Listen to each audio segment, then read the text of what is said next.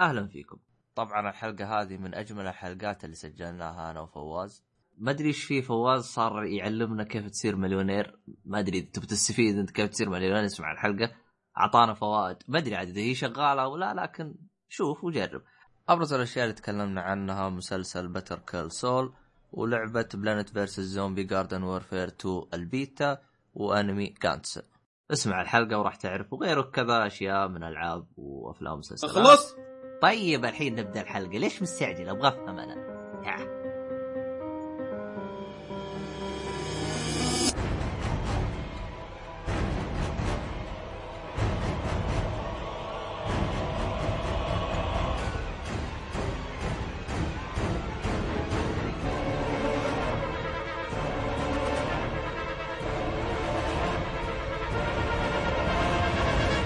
السلام عليكم ورحمة الله وبركاته. حياك الله وبياكم في حلقة جديدة من بودكاست Oly.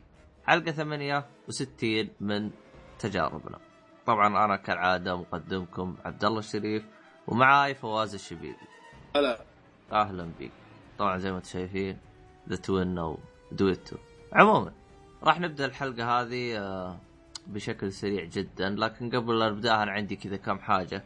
آه، بالنسبة لطلب الانضمام للي يبغى ينضم لنا. ما زال ما زال مفتوح للي يبغى يراسلنا على الإيميل. آه، يلقاه بالوصف اللي هو info at o dash دوت كوم هذا بالنسبة للإيميل. آه، الحاجة الثانية اللي هي بالنسبة آه، طلبات المستمعين. الشباب اللي طلبونا يعني يطلب مننا سواء أنمي أو فيلم أو حاجة زي كذا. أتمنى إنهم يشيكون على إيميلاتهم لأن أنا أي واحد يطلب حاجة لأنه في كثير من الشباب يطلبون أشياء آه، يعني قد تكلمنا عنها سابقا فارسل لهم بالإيميل إنه تكلمنا عنه في في فيلم أنا مستغرب أنا طلبوه ما قال أربع مرات رغم إنه تكلمنا عنه مدري ليه. أه فيعني هو مشكلة عندنا الإيميل كذا شوي مخبط فأبغى اللي وصلت له الايميل يأكد لي إنه الإيميل يعني وصله. فتقريبا هذا كل شيء عندنا قبل لا نبدأ الحلقة. ودي إذا عندك أي إضافة يا فواز؟ لا لا. okay. آه ما أدري. عندك لقلقه ولا وضعك تمام. طيب خلينا نبدأ بتجاربنا. زي ما أنتم عارفين إحنا عندنا حلقات أسبوعية حلقات تجاربنا حلقات آه آه اللهم صل على محمد آه نقاش. فالحلقة هذه راح تكون تجاربنا اللي تتكلم عن ألعاب وأفلام ومسلسلات والأنمي. آه طيب آه وش عند طبعا راح نبدأ إحنا أول شيء بالألعاب اللي هو آه وش لعبت؟ وش عندك لعبة يا فواز؟ في آه لعبة Shadow of Mordor تكلموا عنها الظاهر شباب من قبل لكن توني العبها أنا يعني عندي انطباع اولي عنها ما لعبت فيها كثير صراحة. بس بذكر انطباعي عنها كان انطباع أولي.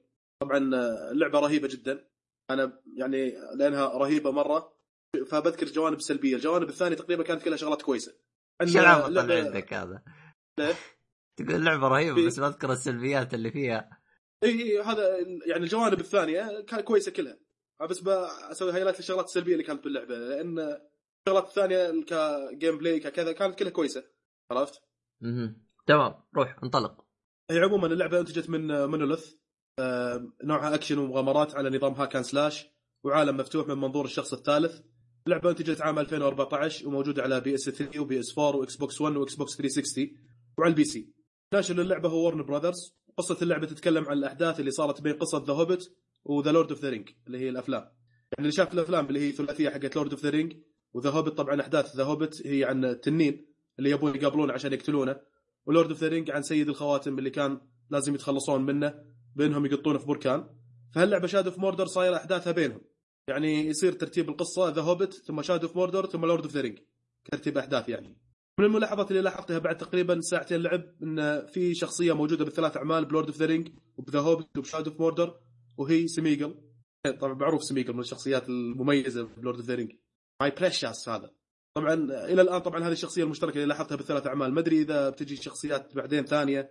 يعني مثلا يمكن Gandalf يمكن لأنه من الشخصيات المهمة تحس موجود ب Lord of the Rings وموجود ب The Hobbit لكن زي ما ذكرت أنا الآن في بداية اللعبة ما يندرى هل بيجي بعدين ولا لا.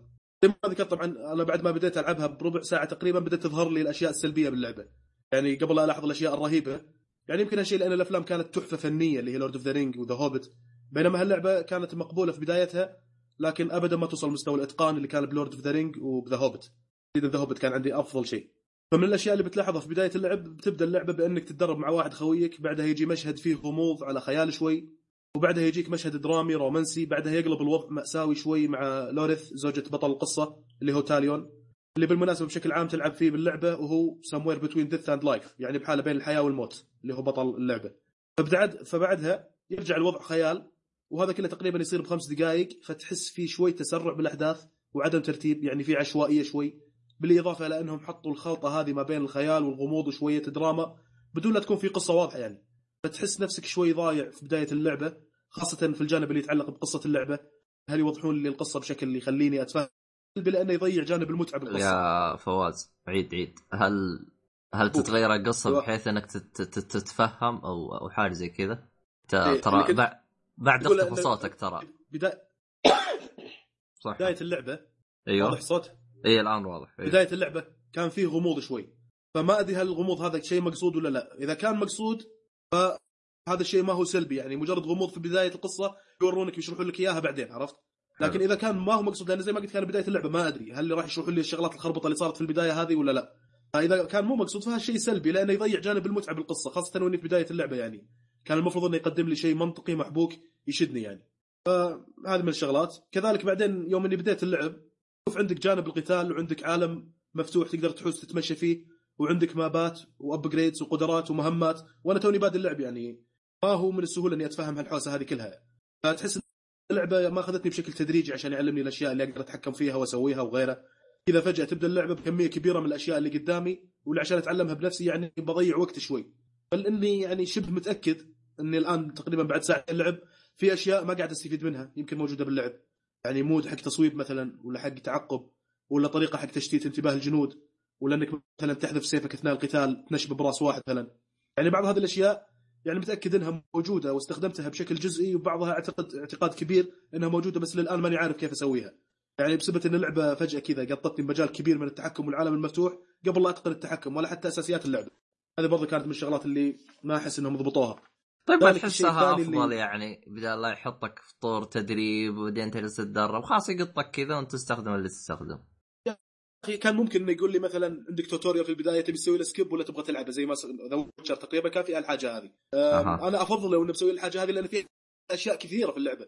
قدرات قتال على قدرات على mode تخفي على mode تشتيت على mode مدري شنو.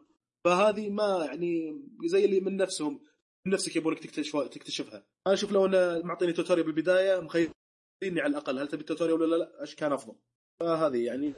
الشيء الثاني اللي ما كان مرة متقن هو التحكم. شوي تحس ما هو مضبوط. يعني هي اللعبة فيها تتسلق حافة جبل ولا تنزل من جبل ولا تتعلق على سلم ولا تتعلق على حافة تلة كذا. فتحس التحكم مش مرة محكم يعني. ممكن تنقز وأنت موجه صح بس ما يتعلق على حافة التلة وحافه الجبل. اللعبة تبي منك تحكم معين تسوي عشان يتعلق على حافة هالتلة. حتى لو سويت التحكم الصحيح بالنسبة لك ما بيتعلق على الجبل. يعني مثلا المفروض إنك وأنت ناقز توجه بالأنالوج يمين لكن مثلا حافة هالجبل تشوفها الزاوية صايرة بين يمين وتحت.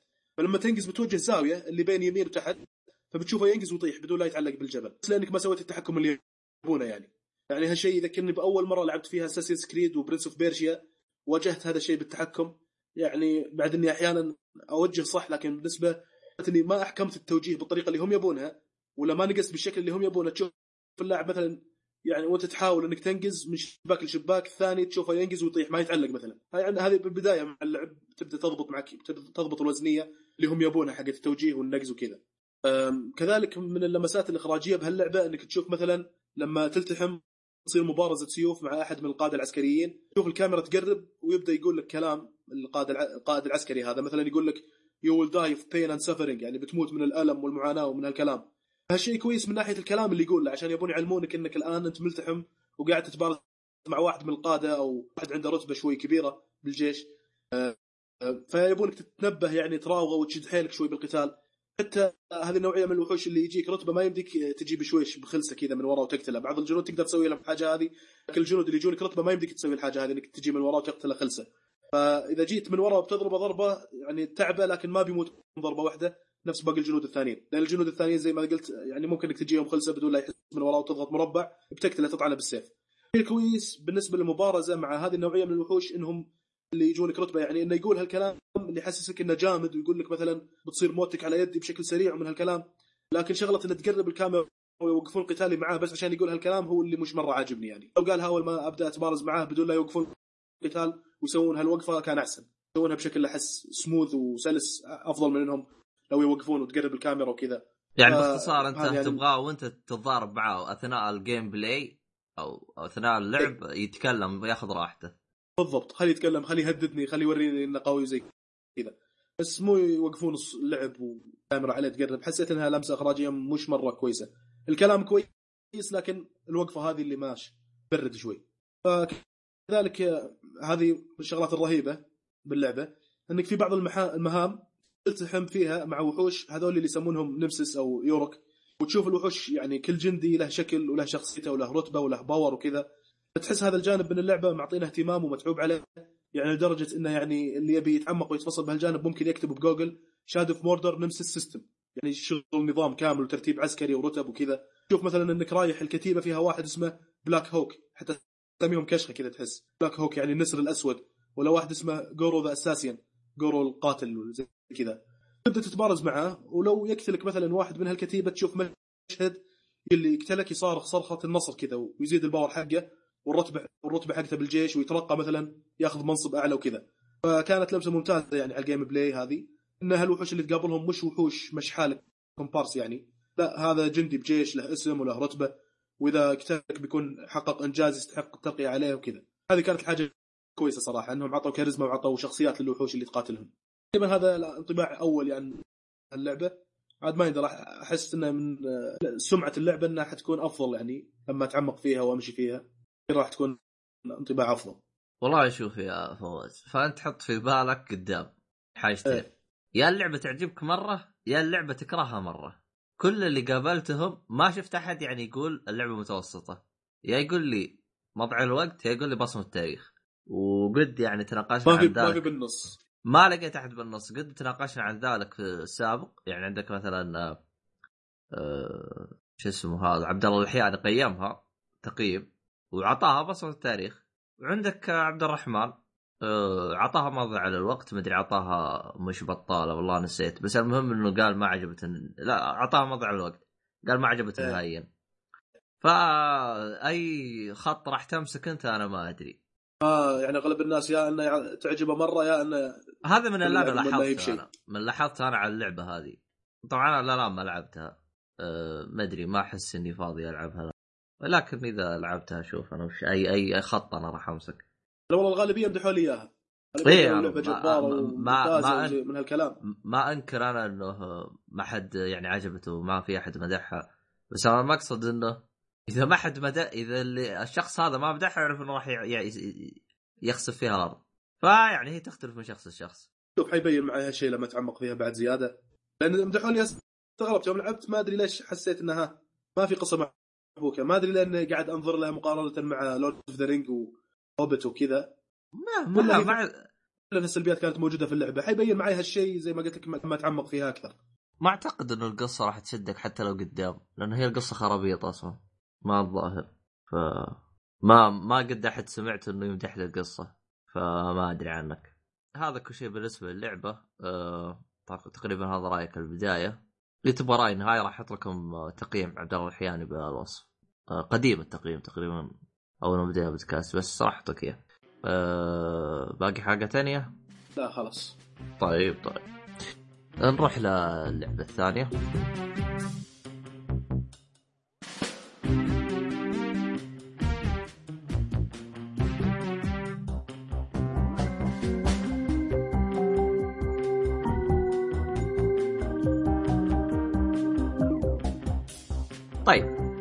نكمل آه، إلى لعبتنا الثانية اللي هي Plants vs. Zombies Garden Warfare 2 أو في رواية آه النباتات ضد الزومبي. ما أدري الزومبي وش تعريفه قتال المزرعه المهم هذا الجزء الثاني من Plants vs. Zombies Garden Warfare 2 آه طبعا آه إحنا راح نتكلم عن البيتا ما راح نتكلم عن اللعبة. طبعا اللعبة راح تنزل إن شاء الله على في 23 فبراير. يعني تقريبا بعد شهر من آه سمعك الحلقة هذه. فيعني آه، طبعا راح راح متوفره اللعبة على ال PC وال PlayStation 4 وال Xbox One والمميز في هذا البيتا ما جاك قال لك آه اللي يبغى يدخل البيتا يجيب لي كود ولا يسوي pre-order للعبة ولا يسوي لي عبط. لا هذا البيتا بيبدأ من كذا ينتهي كذا اللي يبغى يدخل يروح يحمل اللعبة. انتهى الموضوع. يا أخي عجبوني بالحركة هذه. ما حتى الشيء هذا؟ كود بدون شيء. بدون كود بدون قلق. ل- ليش؟ لأنه هو يبغى يجرب سيرفراتهم فأنا أشوف هذا الح... هذا الشيء ممتاز جدا. خلاص أنت اللعبة راح تنزل بعد شهر أو قريب راح تنزل. خلاص لا توزع لي أكواد جرب السيرفرات حقتك شوفها هل هي ممتازة أو شيء. عشان إذا جاتك أي أخطاء أو أي حاجة آه، على طول تعدلها ما تحتاج تجلس آه، أكواد ودور ولا تدور وحفله عاد زي ما إيه. منها إنك جربت السيرفرات ومنها إنك اللاعبين جربوا اللعبة فاللي عجبتهم راح يشترونها. عرفت؟ تقريبا زي كذا. يعني عصفورين بحجر. تقريبا. آه طبعا آه أنت لعبت الجزء الأول؟ لا والله ما لعبته. أها يعني أنت هذا أول جزء لك. طيب إذا كان هذا أول جزء لك طب وش وش رأيك فيه؟ يعني آه، يعني أعطيني رأيك يعني والله المشكلة ما أقدر يعني حتى إني انطباع كافي عن. اللعبة لأني ما لعبتها كثير يعني شغلات 20 دقيقة يمكن حاجة زي كذا. أم، آه، سلسة شوي والشخصيات اللي تقاتل فيها. أنا طبعا في البداية قالوا لي تبغى تقاتل بجيش الزومبي ولا بال plant قلت لا لا أبي plant. آه، جربت وردة تمشي وكذا حسيت إنها ثقيلة شوي. آه، ما عجبني الوضع كذا. خذيت الذرة حسيت انه شوي اللعب ممتع أكثر. الذره اللي تطلق رشاش زي الرشاش كذا. الوردة اللي هي روز صح. أخذت؟ أخذت. أعتقد إيه. وردة آه. كبيرة كذا صايرة من شلون؟ حركتها آه. شوي ثقيلة. لا الوردة الحمراء آه ولا قصدك الصبار؟ صبار شلونها؟ آه الصبار الأخضر هذا أبو شوك. لا لا لا مو بوشوك وردة الحمراء يعني آه الحمراء. هو الحمراء أنت ليش آه هو أنت غلطان أخذتها؟ ليه؟ لأن الحمراء ترى سبورت. دعم. والله. إيه ما حتى لو تلاحظ إن اللي هي اللي تحول خرفان. هي؟ ما أدري ما ما حاولت آه. بس في زومبي صغار يهجمون علي غير عن الثانيين اللي بجيش الزومبي. إيه إيه إيه. هذا اللي هو كمبيوتر أيوه صحيح. هو هو شوف أنا خليني أوضح لك حاجة. أنت بما أنك ما لعبت الجزء الأول آه الف الفرق بين ال- الجزء الأول والجزء هذا إن الجزء الأول كان بس تلعب ترى ب- شو اسمه آه بالورود بالنباتات. هذا رقم واحد. آه يعني ما كان في زومبي. الرقم اثنين كان أو بالأصح خليني أصحح المعلومة. كان تقدر تلعب بال- بالنباتات الزومبي لكن بطريقة واحدة اللي هي كيف؟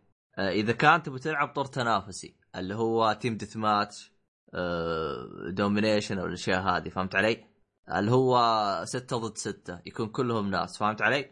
هنا تلعب بالزومبي وتلعب بالورود لكن إذا تلعب co-op طور تعاوني كان لا بس النباتات أه والله أعلم الفرق في هذا إنه خلوا طور تعاوني بال- بالزومبي لكن للأسف ما قدرت أتأكد من المعلومة هذه لأنه آه، ما كان في طور co-op في هذه اللعبة. كان كله آه، طور آه، تنافسي.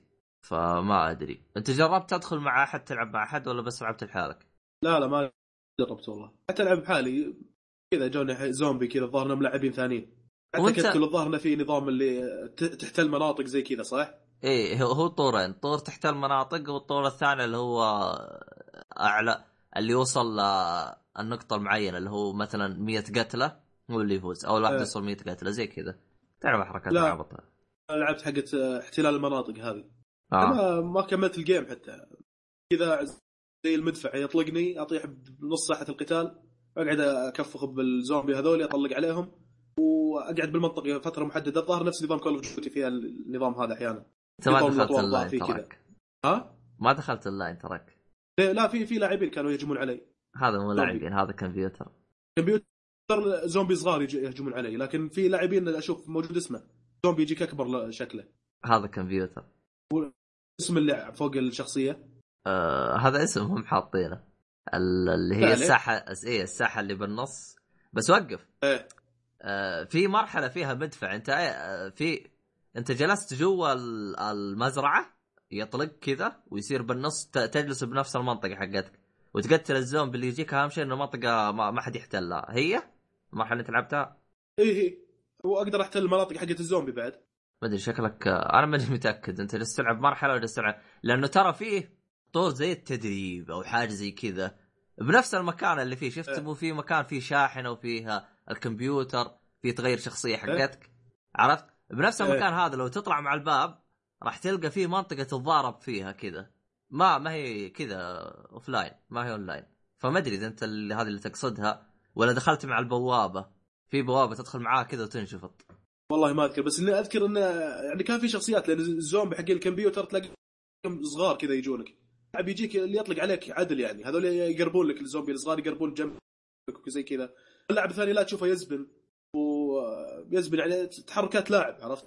آه ممكن في لأنه توي تذكرت إنه في مرحلة فيها مدفع لأنه لأنه هو نفس المكان هذا اللي أنت فيه اللي هو حق اللي تغير شخصية وتخربط. في بعد مدفع إيه. يطلق لنص الساحة فيصير تتضارب. مو ت... مو بال loading يجيك زي كذا يجيك سهمين و... وبالنص X وزي كذا زي الخطة كذا استراتيجية وحركات. والله ما أذكره. أدري عنه. المهم ما علينا. أنت لعبت أنت النظام القديم حق Plants vs. Zombies اللي هو آه، كيف أشرح لك؟ عبارة عن مزرعة وتحاول تحميها كذا تحط النباتات والزومبي يجي على شكل خطوط. لعبتها أنت؟ ما لعبتها. أنا اللعبة ترى ما أدري عنها. اللعبة هذه اللي حملت البيتا حقها. لعبت شغله 20 دقيقة وبس. حتى الاجزاء القديمة ما لعبتها. ما حللت عدل الجزء هذا. أها. طيب ما عليه. آه ش... آه هو هو بالبداية آه في نظام package ات آه باللعبة. آه نظام ال package ات هذا كيف شكله؟ آه إنه لكل شخصية لها customization أو ملابس يعني للشخصية. آه طبعا اللي لاحظته الشخصية واحدة من الشخصيات آه لأنه هو اللي فكيت له ملابس كثير آه إنه إذا أنت غيرت الملابس تتغير آه الحركات حقت نفس الشخصية. اللي هو الشخص اللي أنا جربت عليه اللي هو لامب الام بي. إيه. آه صغير كذا يجي زومبي صغير كذا. آه عنده حركة إنه يستدعي آه، زي ما تقول آه إيش يقولوا له هذا الشيء؟ زي كذا بدلة بدلة كذا فيها رشاشات وحركات. عاد هو صغير حجمه حجمه صغير زي حجم اللمبة. فهمت علي؟ ولا استدعى ال- الاله هذه يصير كبير كذا. تشوفه جوا صغير. ف فهذا هو. طبعا هو ما خ... ما يختلف يعني هذاك الاختلاف. فقط يعني ما... لأنه هو عنده حركة. إذا مثلا اخترت آه، آه، اللي هو ال customization حق Mass Effect اللي هو N7 آه، راح يجيك آه، آه، الحركة حقته إنه يطعن. أنت لعبت Mass Effect ولا ما لعبتها؟ فواز معي. هو إيه وش آخر شيء سمعته مني أنت؟ والله فصل من يوم تقول في زومبي صغير. يا ساتر. والله. الم... المهم بعيدها بشكل سريع. آه، آه، زومبي صغير هذا يستدعي زي ال- البدلة كذا كبيرة يكون فيها رشاش وحركات وزي كذا. طبعا ال- الاختلاف بالبدله هذه حقته يعني إذا أنت غيرت شكلها يختلف الحركة اللي يضرب فيها. آه، أنت لعبت أنت Mass Effect لا لا. حتى Mass Effect ما لعبتها؟ واضح عندك عداوة مع ألعاب EA طيب. والله ما. عموما. التنافسية هذه حربية أكثر شيء. آه، هي مي تنافسية هي أقرب للقصة. عموما. آه، لعبة قصة كذا. اونلاين اقصد ما هي اونلاين ما في اونلاين اللهم الجزء الثالث حطوا مو في اونلاين حطوا فيه co-op الظاهر شيء زي كذا. ماني متأكد الثالث حطوا فيه اونلاين أو لا. بس لأني أنا شفت ما فيها ما اونلاين لا الأول والثاني كله offline قصة طول هي لعبة قصة. آه عموما بعدين بعدين آه اتكي معاك ونتفاهم. آه في حاجة اللي هي آه طب Halo لعبتها؟ أكيد. آه، الأجزاء القديمة يمكن الجزء الثاني إيه. أيوه. مو, مو عنده حركة اللي هي الطعن كذا يطلع سيف كذا ويطعن شيء زي كذا. إيه؟ بالضبط. هذه موجودة زي الحركة كذا قريبة موجودة ب Mass Effect فيصير البدلة هذه فيها الحركة هذه. لكن إذا غيرت ال customization حطيت حركة ثانية راح يكون آه، يطلق زي الطلقات كذا وزي ال RPG حاجة زي كذا. يعني باختصار إنه في حركة تتغير فهمت علي؟ إذا غيرت الملابس. طبعا ما أدري أنا إذا باقي الشخصيات نفس الطريقة تتغير معاهم الحركات أو لا. ولكن أنا فقط آه، جربت بالشخصية هذه لقيت إنه إنه. اللبس يتغير. يعني بعكس الجزء السابق الجزء, الجزء الأول كان اللبس ما يتغير ثابت. فهمت علي؟ يعني أو بالأصح اللبس يتغير لكن حركات ثابتة. يعني مثلا لنفرض إنه مثلث يطلق آه، قنبلة آه، غيرت اللبس يبقى يطلق مثلث قنبلة ما يفرق. فهمت علي؟ آه، تقريبا هذا الفرق اللي أنا لقيته بالنسبة للملابس. طبعا نظام الباكجات زي أول تفتح باكجات وتجيك اللي هي الملابس حقت آه، شخصيات. لأنه الملابس حق الشخصيات كيف تطلعها؟ آه إنك تفتح package ات. آه ال package ات كيف تجيب قيمتها؟ إنك تلعب. ولاحظت إنها يعني سهلة تجمع ال... يعني أسهل من أول خصوصا حطوا package آه قيمته تقريبا 75000 طبعا بال game تطلع ال game الواحد يمكن تطلع 20000 يعني سهل جدا إنك أو 10000 يعني سبعة أيام وانت جايب 70000 أو حاجة زي كذا. شيء بسيط ما خصوصا إذا لعبت بشكل تعاوني زي كذا تجيب فلوس على طول. أه حاطين package كذا جديد. ال package هذا إنه أه بدال لا يعطيك لبس لبس لا يعطيك ملابس كاملة شخصية فأحس الحركة هذه أفضل من أول. لأنه أول كانت ال package ات تجلس تفتح فيها لين ما يطلع لك اللبس اللي تبغاه. يعني مثلا حتى يعني مثلا لو في مثلا trophy يقول لك آه، افتح اللبس المعين تجلس تفتح package من هنا لبكرة لين ما يطلع لك اللبس هذا. يعني ما في أي تحدي يعني مثلا هذا مثال فالآن أحسه نوعا ما زبطوها. طبعا في ال... في مثلا اللي هو زي أول اللي هو فيها زي الزهور كذا أه تحط فيها مثلا آه، حاجة تزود لك الدم أو حاجة تطلق على الأعداء. زي النبته كذا تطلق على الاعداء أو حاجة زي كذا. طبعا موجود عند الزومبي وموجود عند آه، النباتات لكن كل واحدة تختلف وظائفها. يعني كل واحد وظائفه يعني مختلفة نوعا ما. ف هذه تحصل عليها عن طريق باكجات ما لقيت طريقة ثانية أحصل عليها غير عن طريق باكجات إذا في طريقة ثانية أنا ما أدري. فهذا بالنسبة لي آه، طبعا آه، طبعا طور التنافس زي ما تو وضحنا إنه كان بس في طورين في ال beta team deathmatch و... والثاني اللي هو تستولي على مناطق كذا. عندك أكثر من منطقة تستولي عليها وأعلى واحد يجيب نقاط أعلى هو اللي يفوز زي كذا. أه... لعبت الالفا ما أخبر إنه كان لها الفا اللي إذا كان طلقوا حطوا closed alpha ما أدري. فما أعتقد إني لعبته. هو هو بالنسبة للنباتات أربع شخصيات كانت موجودة من الجزء السابق. الشخصيات اللي زادوها اللي هي الذرة. هاي الذرة هاي شخصية جديدة. آه يعني هي زادوا ثلاث شخصيات. كانت أربع صارت سبعة. آه الذرة هذه من الشخصيات الجديدة. كذا تحسه كأنه معاه سنتري جن أو حاجة زي كذا. آه جميلة الشخصية. فيها آه بعد الوردة اللي انت لعبت فيها تحسها ثقيلة اللي اسمها روز. آه هذه الحركات حقتها أقرب للاستهبال. آه، صحيح إنها سبورت يعني تدعم الفريق. لكن من الحركات اللي تسويها إنها تحول اللي قدام خروف. إذا العدو حولت الخروف آه، ما يقدر يسوي شيء. يجلس بس من غير كذا. فيصير الدرع حقه يقل. فيصير سهل إنك تقتله. أه بعد في حركة ثانية إنها تسوي للقدامه فريز أو تشل حركته. يعني تخليه فترة معينة ما يتحرك ولا يقدر يستخدم أي قوة أو حاجة. أه أو إذا كان يقدر يتحرك يتحرك بشكل أبطأ. فيصير يعني زي ما تقول إيش؟ تقدر تقول هي أقرب لأنها تدعم الفريق أكثر من إنها هي تذبح. هي تطلق تطلق بس طلقاتها ضعيفة يعني مقارنة ب آه، اللي تواجههم. يعني لو قررت إنك تواجه راح تلقى فيها ضعف. آه، في شخصية رهيبة ما أدري إذا أنت لعبت فيها اللي هي البرتقالة شكلك ما جربتها لا لا ما لعبت فيها كذا برتقالة يتقسم حركات كذا وهو زي ما تقول إيش تانك دمه كبير كبير وزي كذا والدمج حقه تقريبا شبه عالي أو متوسط. كذا يحط دروع حركات. يجي منه. في عنده حركة يعني تبي تسرع يصير زي الدائرة كذا يدحرج زي الكورة. يصير مرة سريع. طبعا إذا تحولت للكوره يصير حركاته تختلف عن يوم تكون تمشي على رجلك. الحركات اللي زادوها بالنباتات عجبتني جدا. يعني كانت ممتازة جدا كإضافة. في بالنسبة للزومبي أنا لاحظت تقريبا ثلاث حركة ثلاث ثلاث إيش يقولوا له؟ ثلاث شخصيات شفتها جديدة علي أه... اللي هو في قرصان كذا يبغى لو انك جربت الزومبي اعتقد بيعجبك ما أدري أنا أحس الزومبي كحركات استهبال يجي يجي منه فهمت علي؟ أه في مثلا يعني أه بالنسبة لي أحسهم كذا يعني مثلا عندك مثلا أه في واحد اسمه كابتن ديد بيرد أه هذا هو هو أصلا ما له فائده فهمت علي؟ كذا رجل خشبة ورجل هذا كذا يمشي بشكل شبه بطيء فهمت علي؟ آه لكن على كتفه زي الببغاء أو طير، الطير هذا تطير فيه كذا وتجلس تطلق فيه.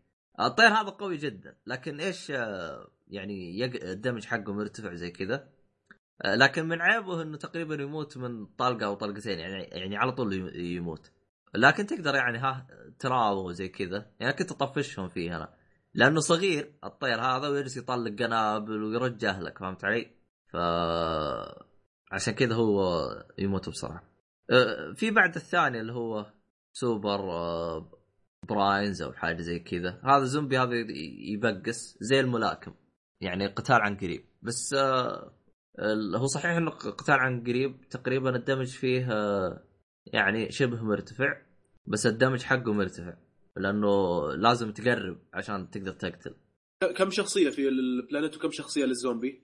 البلانيت ثلاثة هي تقريبا اللي هي روز والبرتقالة والذرة صح؟ هذا زيادة. وش... هذا زيادة ج- عن الشخصيات ال- اللي already موجودة. إيه اللي already موجودة في الجزء القديم اللي هي يعني كلها مجموع يصير سبعة. نفس الطريقة للزومبي القديم كانوا أربعة وصاروا سبعة زادوا ثلاثة. أه... في حاجة أنا ما أدري أنا اكتش... أنا أحس يعني زي ما تقول إحساس. ما تأكدت منه تأكد 100% ولكن أشوف إنه ما في موازنة بين الزومبي والنباتات. أحس الزومبي أقوى. ما أدري ليه. يعني يوم ألعب بالزومبي أحس إني أقتل أكثر و... ومن الكلام هذا آه، يعني غالبا يوم أكون بالزومبي أفوز غالبا. آه، يعني ما أنكر إني خسرت بالزومبي لكن غالبا أحس إني أنا أقوى. دا يعني حتى إني يوم خلصت النباتات رحت ألعب بالزومبي أحس إني ودي ألعب بالزومبي أكثر ما ما أبي النباتات خلهم مع نفسهم فهمت علي؟ ما أدري أحس عجبوني هل. هل هذا لأنك أنت تستمتع باللعب بالزومبي أكثر ولا لأنهم تحس إنهم مخلين الزومبي أقوى؟ والله ما أدري لأنه أنا أشوف في حركات قوية عند الزومبي ما أنكر في في مثلا يعني مثلا لو جينا مثلا للبرتقاله أنا قلت هذا tank البرتقاله حلو آه فيه بعد للزومبي عندهم tank واحد كذا معاه sentry gun كذا ويجلس يطلق فهمت علي؟ يعني تقدر تقول الفريق نباتات فيه عندهم tank حتى الزومبي عنده tank. آه، ممكن أنا يوم كنت العب بالزومبي كان الفريق اللي معاي قوي واللي ضدي يعني ضعيف ما أدري أنا. آه، ممكن جت حظ لا أكثر فممكن. أو ممكن زي ما أنت قلت أستمتع بالزومبي ألعب فيه عشان كذا أدي أفضل. إيه ممكن ممكن, ها- يكون هذا السبب. إذا كان هذا السبب ما عندك أي مشكلة لكن إذا كان هم مقوين الزومبي ترى ممكن تكون غلطة عرفت؟ لا، فريقين متوازيين لكن آه، حتى في استخدام القدرات وزي كذا. يعني حتى أنا يوم كنت ألعب بالورود يعني نادر أن أفوز فيهم. ما أدري أنا. ف فزي ما قلت لك يعني هو ممكن ما يعني ما ما ماني متأكد منها 100% ولكن هذا إيه. حسب ما قا- ما لعبت أنا خلال ست ساعات. ما أدري أحس فوزي بالزومبي أكثر من النباتات. فيعني هذا هو. أم، هو شوف أنا في حاجة واحدة أنا بالبيتا هي اللي زعلتني إنه ما حطوا لي طور الكوب لأن أنا كنت أبغى أجربه. الكوب. الكوب في الجزء اللي قبل كان آه، تقريبا هو نمط واحد في الجزء اللي هو الأول نمط واحد.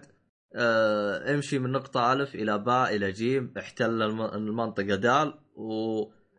وأهرب عن طريق المنطقة آه، حاء مثلا. زي كذا.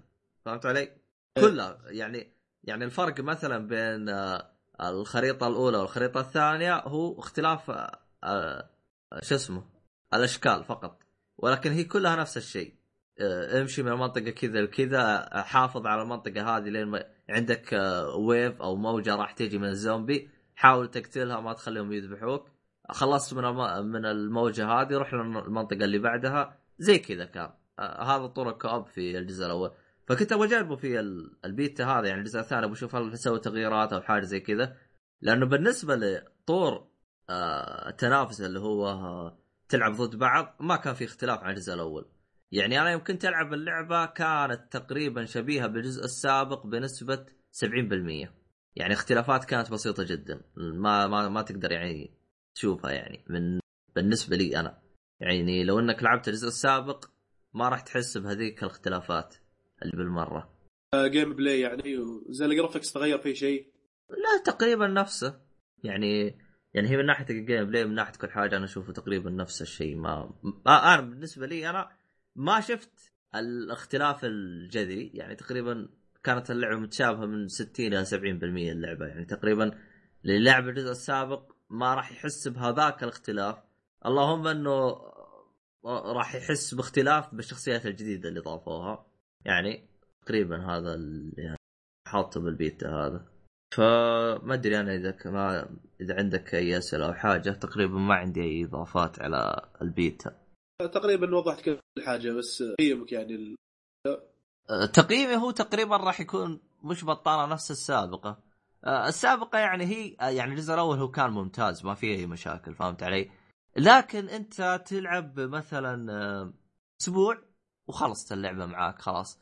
يعني ما في حاجة تخليك مثلا تلعب زيادة أو حاجة زي كذا. هي مدتها شهر بالكثير وأنت مخلص. أه بعد يعني اللعبة هذه يعني إذا أنت بتشتريها مثلا قلت خليني أجربها.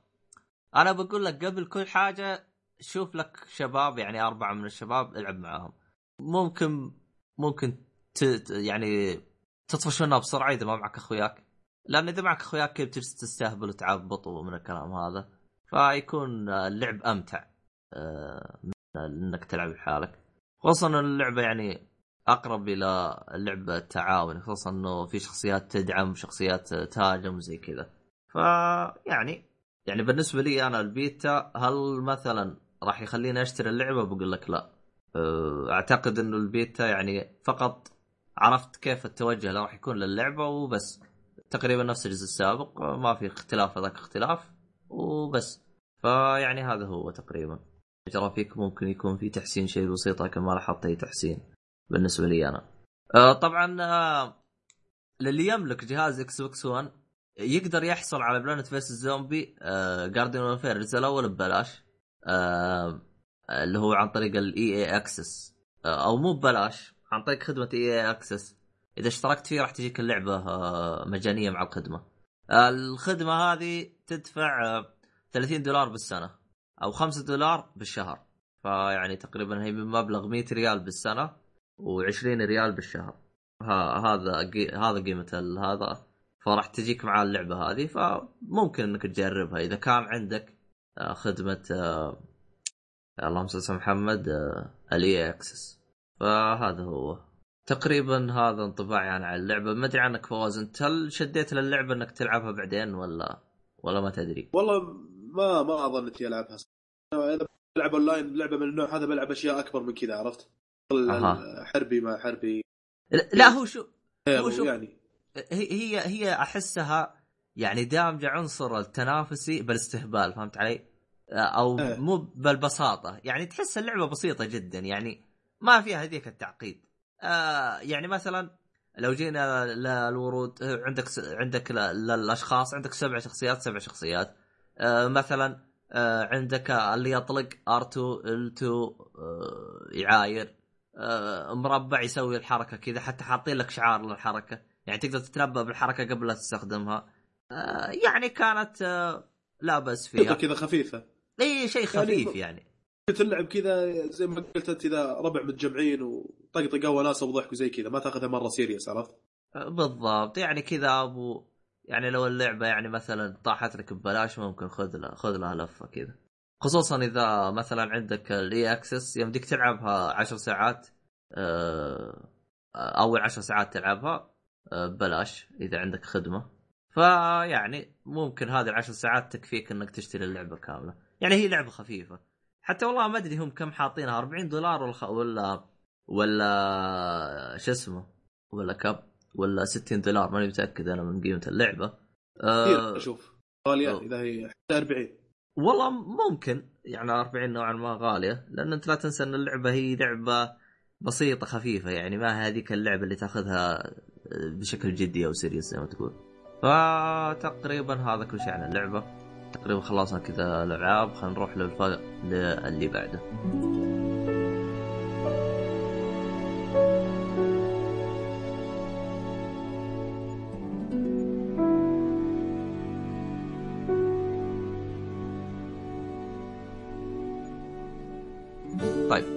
وش الفيلم اللي عندنا اللي هذه الحلقة؟ في فيلم The Intern فيلم The Intern انتج عام 2015 آه، نوعه كوميديا ودراما من إخراج وكتابة نانسي مايرز. نفس المخرجة هي الكاتبة. فيلم من بطولة آه، روبرت دينيرو وآني هاثوي قصة يعني عن واحد عمره 70 سنة متقاعد ووحيد. وبده أنه يرجع يشتغل ويختلط مع الناس ويعيش حياة طبيعية. فيلقى إعلان شركة حقت e-commerce e-commerce اللي هي عملية البيع والشراء عن طريق الإنترنت. يعني نفس شغل امازون ولا نفس شغل eBay والمواقع هذه اللي هو. البيع والشراء بالموقع أو الإنترنت. فيبدأ يشتغل فيها فتصير له أحداث درامية في شغله في هذه الشركة. الفيلم صراحة جميل صراحة. أنا توقعت إنه من نوع الكوميديا الصاخبة أو الاستهبالية الزايدة كذا لكن في رسائل إيجابية أحيانا مباشرة واحيانا ضمنية ضمن القصة إنها كانت مجملا هادفة. من الشغلات الكويسة يعني أول ما يبدأ يشتغل بالشركة حقت ال e-commerce تشوفه كذا كبير بالعمر وجاي يشتغل مع ناس صغار. يعني هو عمره 70 تقريبا وهذول أعمارهم بالعشرينات وبالثلاثينات. كثير مختلف يعني هم تشوفهم يستخدمون مصطلحات هو حتى ما يعرفها. من الانستغرام ولا e-commerce فتحس إنه جاي من حقبة زمنية مختلفة ومن بيئة عمل التفكير فيه مختلف. يوم إنه جاء استلم الشغل وجلس كذا على المكتب تشوف الموظفين الثانيين اللي معاه شنطة يد واللي معاه شنطة ظهر. كذا تحس إنهم كبير الموظف ولما يطلعون حاجات من شنطهم تشوف يطلعون flash memory ملون. ولا سماعات صغيرة كشخة كذا شكلها بينما هو جايب شنطة دبلوماسية من النوع اللي فيها أرقام كذا عشان تسوي رقم سري للشنطة فتحها بازرار كذا على جنب. الاشياء اللي لا بالشنطة تحس أشياء old school لا في في أيضا حاجة ثانية إنه هو هو الوحيد اللي بالمكتب اللي جاي رسمي. طبعا الرسم البدلة إيه. هذا اللي كرافته وهذا. فتحس يا أخي من جد يا أخي المخرج أو المخرجة هذه أحس زبطت الدور وحتى الممثل أحس توفقت في اختياره. ممتاز كان روبرتو إيه اللي جاي لهم لبس كشخة فانيل تي شيرت ملون ومدري شنو شغل موضه كذا. إيه. اللي nerd واللي cool واللي ستايلات كذا. هو جاي شكل رسمي و... ولا قام يربط ال suit حقه كذا يسكر الزرار إيه. عشان يصافح مصافحه رسمية. تحس غير يعني تفكيره غير عن تحسهم الناس اللي يناظرون البيئة اللي عايش فيها. يناظرونه تحسهم يناظرونه لشكل استحقار. يعني صحيح إنه مو استحقار بالمرة بقدر أن يقولوا شو شو يبي هذا الولد. شو يبغى؟ إيش. عنده؟ بالضبط. إيه تقريبا. فاقول لك الشغلات يعني شغل ال hardcore تحس لما فتح شنطته كذا يطلع دباسة حاسبة كبيرة جواله سامسونج قديم أبو كلب. فجد جاي بعقلية قديمة المكان يشتغلون بالموضة وتصميم إعلانات وشغل حديث. يعني هذه كانت لبسة كوميدية ممتازة يعني. شوف إنها كانت جدا آه، شغلات كويسة. ال- كذلك من الشغلات الكويسة الأجواء بالشركة وبيئة العمل جدا مشوقة وواقعية ورهيبة. تشوف واحد من زملائه بالعمل يعني يستشيره بمشاكله الخاصة كونه كبير روبرتو دينيرو وعنده خبرة بالحياة. شوف واحد ثاني مثلا يشرح له برامج تصميم ودعايات يعني يشرح له كيف تشتغل هذه البرامج. فتحس هذه من الشغلات اللمسات الواقعية يعني الرهيبة بعد الجانب الدرامي هذه كذلك من الشغلات اللي عجبتني انسجام الجانب الدرامي مع القصة مع الجانب الكوميدي كان جدا رهيب. يعني ممكن نقول إن من بداية الفيلم إلى نصه كان الوضع دراما وكوميديا إلى نص الفيلم تقريبا. بعدين بدأ الوضع يصير درامي بحت تقريبا من نص الفيلم الثلث الأخير من الفيلم. الثلث الأخير من الفيلم بدأ الوضع يصير دراما حزينة. والتنقلات هذه ما بين دراما وكوميديا ودراما بحته إلى دراما حزينة صارت بشكل سلس وممتاز يعني. حتى كان بالفيلم جانب يقحم فيه روبرتو دينيرو نفسه بالحياة الشخصية للمديرة. فهالشيء جاء بشكل سلس ما تحس إنه كان يعني في تصنع. بشكل اي في تصنع وفي رتم وفي كذا. لا لا جاء بشكل سلس واقعي. كان في إبداع درامي بهالجانب من القصة يعني. يعني ما يخليك تقول لا مو معقولة كيف كذا يتدخل بشؤونها الخاصة ويخش بينهم؟ لا لا صارت بشكل كان فيه إبداع درامي يخليك تتقبل القصة بالشكل هذا يعني. تحسها آه، أقرب إلى قصة واقعية يعني.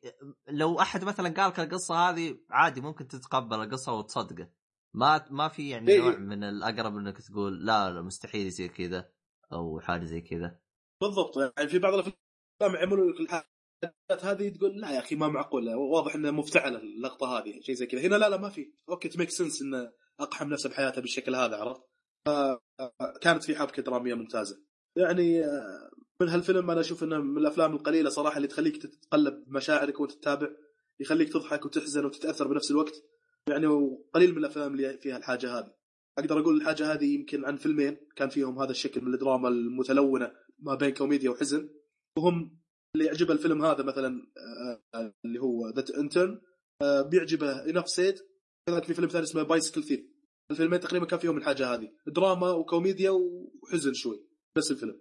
آه، ما أدري. Bicycle Thief قديم قديم جدا. أسود وأبيض حتى. ما أعتقد أحد ممكن يهضمه لكن Enough Said مش مرة قديم. ممتاز الفيلم جدا. نفس آه. النوعيه هذه جدا يذكرني فيه. نفس نوعية الدراما والكوميديا اللي فيه. ما أدري أحس فيه نوع بعد ثاني نوعية دراما ما أدري حسب ما أتذكر قريبة جدا اللي هو Forrest Gump ولا ما يجي؟ لا هذاك أحس إنه ما من نفس الكوم- الكوميديا ما أحس من نفس الكوميديا. هذيك الدراما القوة اللي فيه كانت الحبكة الدرامية فيه. عرفت؟ أه. الكوميديا ما ضحكتني كثير في Forrest Gump عرفت؟ لكن إيه. اندمجت فيه في القصة هو اللي كانت قوية. أها. بعدين آه، Forrest Gump ممكن أحطه ب category أعلى من category الأفلام هذه اللي أنا ذكرتها. والله ممكن ياخذ بصمة Gump. والله قوي. لا لا قوي جدا. لكن إذا أنت على Enough Said لا تقييمي لهم يستاهل وقتك. عرفت؟ أه وتقريبا أنا أتفق معاك. يعني أنا شوف أنا حتى أكون صريح معاك. يعني خصوصا أنا زي ما أنت عارفني أنا اتشائم من كلمة كوميديا. يعني آه، لكن ما توقعت إنه آه، راح يجيبون كوميديا جادة نوعا ما. ما هي الاستهبال أو حاجة زي كذا. آه، شيء يعني زي ما إحنا ذكرنا في التو إنه أقرب للواقع. يعني تقريبا أنا في كل نقطة أنت ذكرتها أنا أتفق معاك قلبا وقالبا يعني. ما أدري احس أول مرة أتفق معاك. إيه لأن أنت يمكن ما تعجبك أفلام مثلا جيم كيري وعلى آدم ساندلر. أنا أحيانا أشوفها إذا ما أبي هدف من أبي خرابيط كذا أشوف بس كوميديا صاخبة يصنفونها هذه. إيه. ما أجل. بوينت بمجرد ان ش- نبي نضحكك وبس زي كذا. لكن هذا لا الكوميديا كان فيها يعني هدف. عرفت؟ إيه. إيه في رسائل تستخلصها يعني إيش أقول لك رسائل أحيانا ضمنية واحيانا مباشرة. يعني مثلا فكرة إن شغلة اللي يقول لك آه، لازم إن الزوجة تراعي زوجها وحقوق زوجها عليها وكذلك الزوج لازم يهتم بالحاجة هذه. هذه أحس إنها كانت من الرسائل الضمنيه ورغم إنها رسالة مستهلكة تقريبا لكن جابوا لك إياها حبوا لك إياها بشكل مضبوط في الفيلم هذا. ما تحس إنه يا أخي أوكي عرفنا هذه الشغلة من زمان آه، إنه آه، لازم ان هذه تجاب البيت وما تنهمك في العمل من الشغلات هذه. لكن آه، هنا آه. سووا لك إياها بشكل صح عرفت؟ اي أو مثلا يجيك يجيب لك القصة يحشر لك أمها غير يجيب لك ال... ال... يعني مثلا الرسالة التوعوية هذه. لا تحس ت- تحس أصلا يعني يعني أحس الكاتبة كتبت القصة بعناية جدا ممتازة والحوارات والأشياء هذه. كان كلها أحسها يعني زي ما تقول إيش آه، مأخوذة بعناية جدا ممتازة. ف يعني كان في موازنة بين فيلم درامي وعمل درامي وشغل ترفيهي ومعنى ضمني وقيمه إيجابية يبي يوصلوا لك إياها في الفيلم. كان في موازنة ممتازة يعني. بالضبط. آه، تقريبا هذا تقريبا هذا كل شيء عندنا على الفيلم هذا ولا؟ اللي إذا كان إيه، عندك هذه- عندك زيادة ما قيمك حاجة. شنو. خل تقريبا هذا هي طيب خلينا نروح للفيلم اللي طيب بعده. طيب شنو تقييمك له؟ أنا قيمته وخلصت أنت تقول شنو تقييمه. ما قلت أدري، ما لك سمعتك والله. قلت لك أتفق معاك إنه يستاهل وقتك وعجبني جدا. فيعني ها. فتحت الحين. أوكي. يا أخي لقلق الصوت عندي يقطع أنت تحكي وأنا ما أسمعك ترى. آخ والله عاد إيش تبغى أسوي لك. أحسن من الصدى. عموما. راح الفيلم اللي بعده.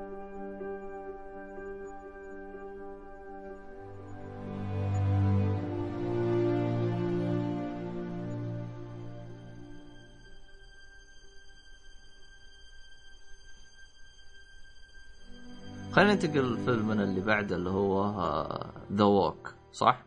إيه. آه عموما آه بالنسبة لذا ووك راح يكون فيه آه يعني راح آه، نسولف عنه زي كذا لكن راح يكون فيه زيادة عنه راح تكون آه، شوي فيها حرقة وتخريب. راح اقصها راح أحطها بنهايه الحلقة. فللي شاف الفيلم ويبغى يشوف يسمع الحركات هذه آه ينتقل لنهاية الحلقة ويسمع. آخر حاجة راح أحطها. عشان لا أخرب على آه آه باقي المستمعين. آه طيب آه شو اسمه هذا؟ وش هو فيلم The Walk يا فواز؟ فيلم The Walk انتج عام 2015 نوعه دراما ومغامرات و biography.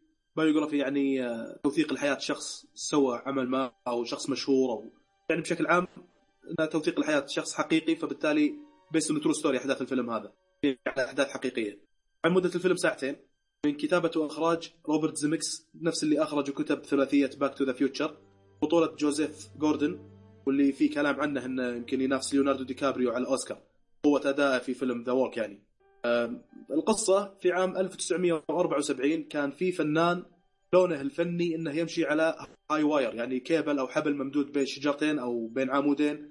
فهذا الشخص كان بارع أو ممتاز أو في النوع هذا من الفن إنه يمشي على كيبل ممدود بين شجرتين أو بين عمودين. فالشخص هذا اسمه فيليب. حلمه إنه يمشي على كيبل ممدود بين العمارتين في منهاتن بنيويورك اللي هي أبراج مركز التجارة العالمي اللي طاحوا في 11 سبتمبر. فالشخص هذا هذا حلمه إنه يمشي على الكيبل هذا. طيب الآن آه، ملاحظاتي على الفيلم؟ أنا أشوف إن الفيلم فيه رسالة إيجابية ضمنية يعني ما كانت بشكل واضح. اللي يحلل بالفيلم بيدرك هذا الشيء. وهو ان إذا عندك هدف تبي تحققه حتى إن كان هذا الهدف يعني جنوني وخارج عن المألوف ومو طبيعي يعني فإنك تحتاج لثلاث عناصر مهمة عشان توصل لهذا الهدف. الأول العناصر هذه الأول العلاقات. تحتاج إنك تتعرف على ناس وتجمع علاقات تساعدك أو تسهل لك الوصول للهدف هذا. ثاني إنك تقسم الهدف إلى أجزاء صغيرة وتحط time frame لتحقيق هذه الأجزاء الصغيرة. مثلا اليوم الفلاني بجمع المعدات التاريخ الفلاني بمشي مسافة كذا على الحبل. وقس على ذلك الأهداف اللي بالحياة حتى مو شرط يكون هدف شاطح. يعني عند الشركات الناجحه تتبع هذا النهج لتحقيق أهدافها على فكرة. time frames على ال targets اللي يحطونه. باليوم بالشهر الفلاني راح نوصل كذا بالشهر الفلاني راح نوصل كذا. تقريبا نفس الحاجة على المستوى الفردي. الشيء الثالث العزيمة والإصرار وهذا يصير بالتمرين على مدى سنوات وإنك تشحن نفسك بطاقة تدفعك لإنجاز أهدافك الصغيرة اللي بالنهاية بتؤدي إلى تحقيق الهدف الأكبر. كيف أصلح motivational speaker ولا؟ لا لا ما شاء الله عليك تمام لا في... أنت فجأة كذا آه. يبغى لك نجيب لك هذا زي المعارض هذا اللي إيه. يعلمك كيف تصبح سعيدا في كيف تصبح حياتك مليونيرا في سنة. اي حاجة رهيبة هذه هذا رهيب يبغى. نحضر لك محاضره أنت ممتاز جدا اي لأن هذا من جد تحس إنه يعني ما في شيء مستحيل إذا حققت الشغلات الصحيحة اتبعت البلان والمخطط الصحيح اللي راح يوصلك لتحقيق الهدف راح تقدر يعني ما في شيء صعب مهما كان هدفك جنوني. الحاجة الثانية الكويسة الفيلم كان فيه جانب رومانسي ولكن كان يعني بوزنية ممتازة ما أخلت بمضمون القصة والسيناريو الأساسي. يعني في بعض الأفلام يقحمون فيه الجانب الرومانسي إقحام يعني يبرد الفيلم أو يحسسك إن الفيلم بدأ ياخذ منحى آخر عن القصة الأساسية لكن هنا كانت الرومانسية أشوف إنها بسيطة وخفيفة وسريعة يعني ما تسببت برود أو ملل. كذلك من الشغلات الكويسة بالفيلم الواقعية بالفيلم مر بتجارب فشل وهو يتمرن على المشي على الكيبل مرة انفك الحبل وطاح على الأرض ومرة طاح بحيرة وصيادين السمك قعدوا يطقطقون عليه فهذا شيء واقعي لأنك لو تتبع مسيرة كثير من الناجحين في الحياة واللي حققوا نجاح ملفت للانظار مروا بتجارب فشل قبل ترى يعني مروا بتجارب فشل قبل لا يحققون النجاح عندك بيل جيتس مثلا وعندك. أيوه. والت ديزني وعندك آه، يعني كثير من الناس هذولي واللي سوى اللمبه حققوا نجاح باهر جلس آه، أي، 5000 اللي هو توماس منتج عشان توماس إديسون 5000 منتج عشان إيه. س... عشان عشان وصل إيه، بس يعني والت. ديزني إيه. على, على توماس إديسون على أنا لا أمزح أمزح آه، سويتها تراك انت إيش فيك إيش قصتك أنت؟ مرفع بنفسك طيب، أنت طيب. اليوم إيش ال... يوم. إيش القصة يا شيخ؟ المهم أنا أنا خل نشوف شو اسمه لأن مرات بتجربه فشل يا أخي قلت لك أنا. المهم عندك بيل جيتس طلع من آه، هارفرد والله طلع من هارفرد بيل جيتس مثلي طلع من هارفرد ما قدر يكمل لكن انتهى فيه المطاف إلى أنه يأسس شركة مايكروسوفت ويصير من أثرياء العالم. يعني حتى تدري يقول بيل جيتس يقول إني أنا ما قدرت إني آه، اعدي الجامعة وطلعت من الجامعة ما كملت لكن الآن أنا صاحب شركة مايكروسوفت وصديقي اللي عدى الجامعة الآن engineer في شركة مايكروسوفت مهندس في شركة مايكروسوفت يشتغل تحتي يعني عرفت شوف ال- إيه. الجانب إيه. الغريب هذا من قصة هذيك. هذيك المقولة هذيك يا أخي تحس إنها من جد قوية يا أخي المقولة هذيك إيه طبعا لما تفكر فيها خوية ال engineer مش فاشل مو معناته إنه فاشل خوية لكن مجرد إنه حقق مستوى من النجاح أقل من اللي حققه بيل جيتس لكن آه، في عدة طرق انك تقدر تتخذها لأنك تحقق نجاح. بيل جيتس اتخذ طريق الثراء وطريق إنه يبدأ business بحاله. هذاك اتخذ طريق ثاني إنه يأخذ شهادة جامعية زي كذا. خلنا بالمضمونين؟ لأن أنا بحثت بهالموضوع كثير وكذا. على العموم والت ديزني انطرد من شركة تحرير حق جرايد وأسس شركة ديزني وأفلس كذا مرة ترى أثناء ما كان صاحب الشركة لكنه فيما بعد قدر يحصل وصفة النجاح يعني. فنفس الشيء هنا خوينا فيليب تشوفه وهو يعاني في بداياته ويمر بتجارب فشل. بس, بس- بس أكمل لكن بس وقف الجانب هذا من القصة كان جدا ممتع.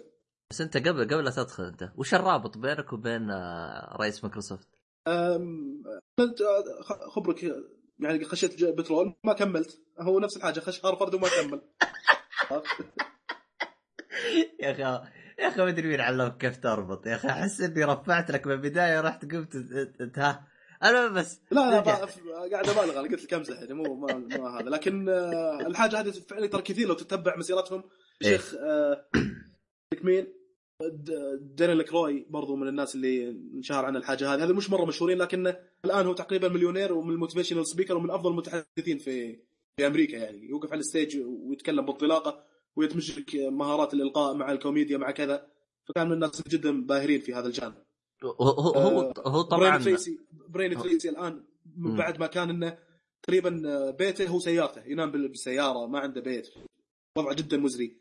بدا مسيرته يشتغل يغسل الصحون. الآن مليونير وعنده شركات وعنده. شوف دعاياته في كل مكان. آه، هو, يعني- طبعا شيء معروف إنه طريق النجاح ما هو مليان بورود و... وأزهار وطريق سيدة. يعني تمشي فيه direct على طول توصل للي أنت تبغاه. آه، شيء. معروف يعني كل شيء أنت تبغاه لازم لازم زي ما تقول إيش تسعى خلفه. طبعا طبعا هذا ما يدل إنك تروح تسمع نصيحة آه، شو اسمه هذا فواز وتترك الجامعة وتروح تقول أنا بصير لا زي لا بيل ما جيتس. ننصح إيه. أنا ذكرت أنا ذكرت إن طرق النجاح في عدة طرق.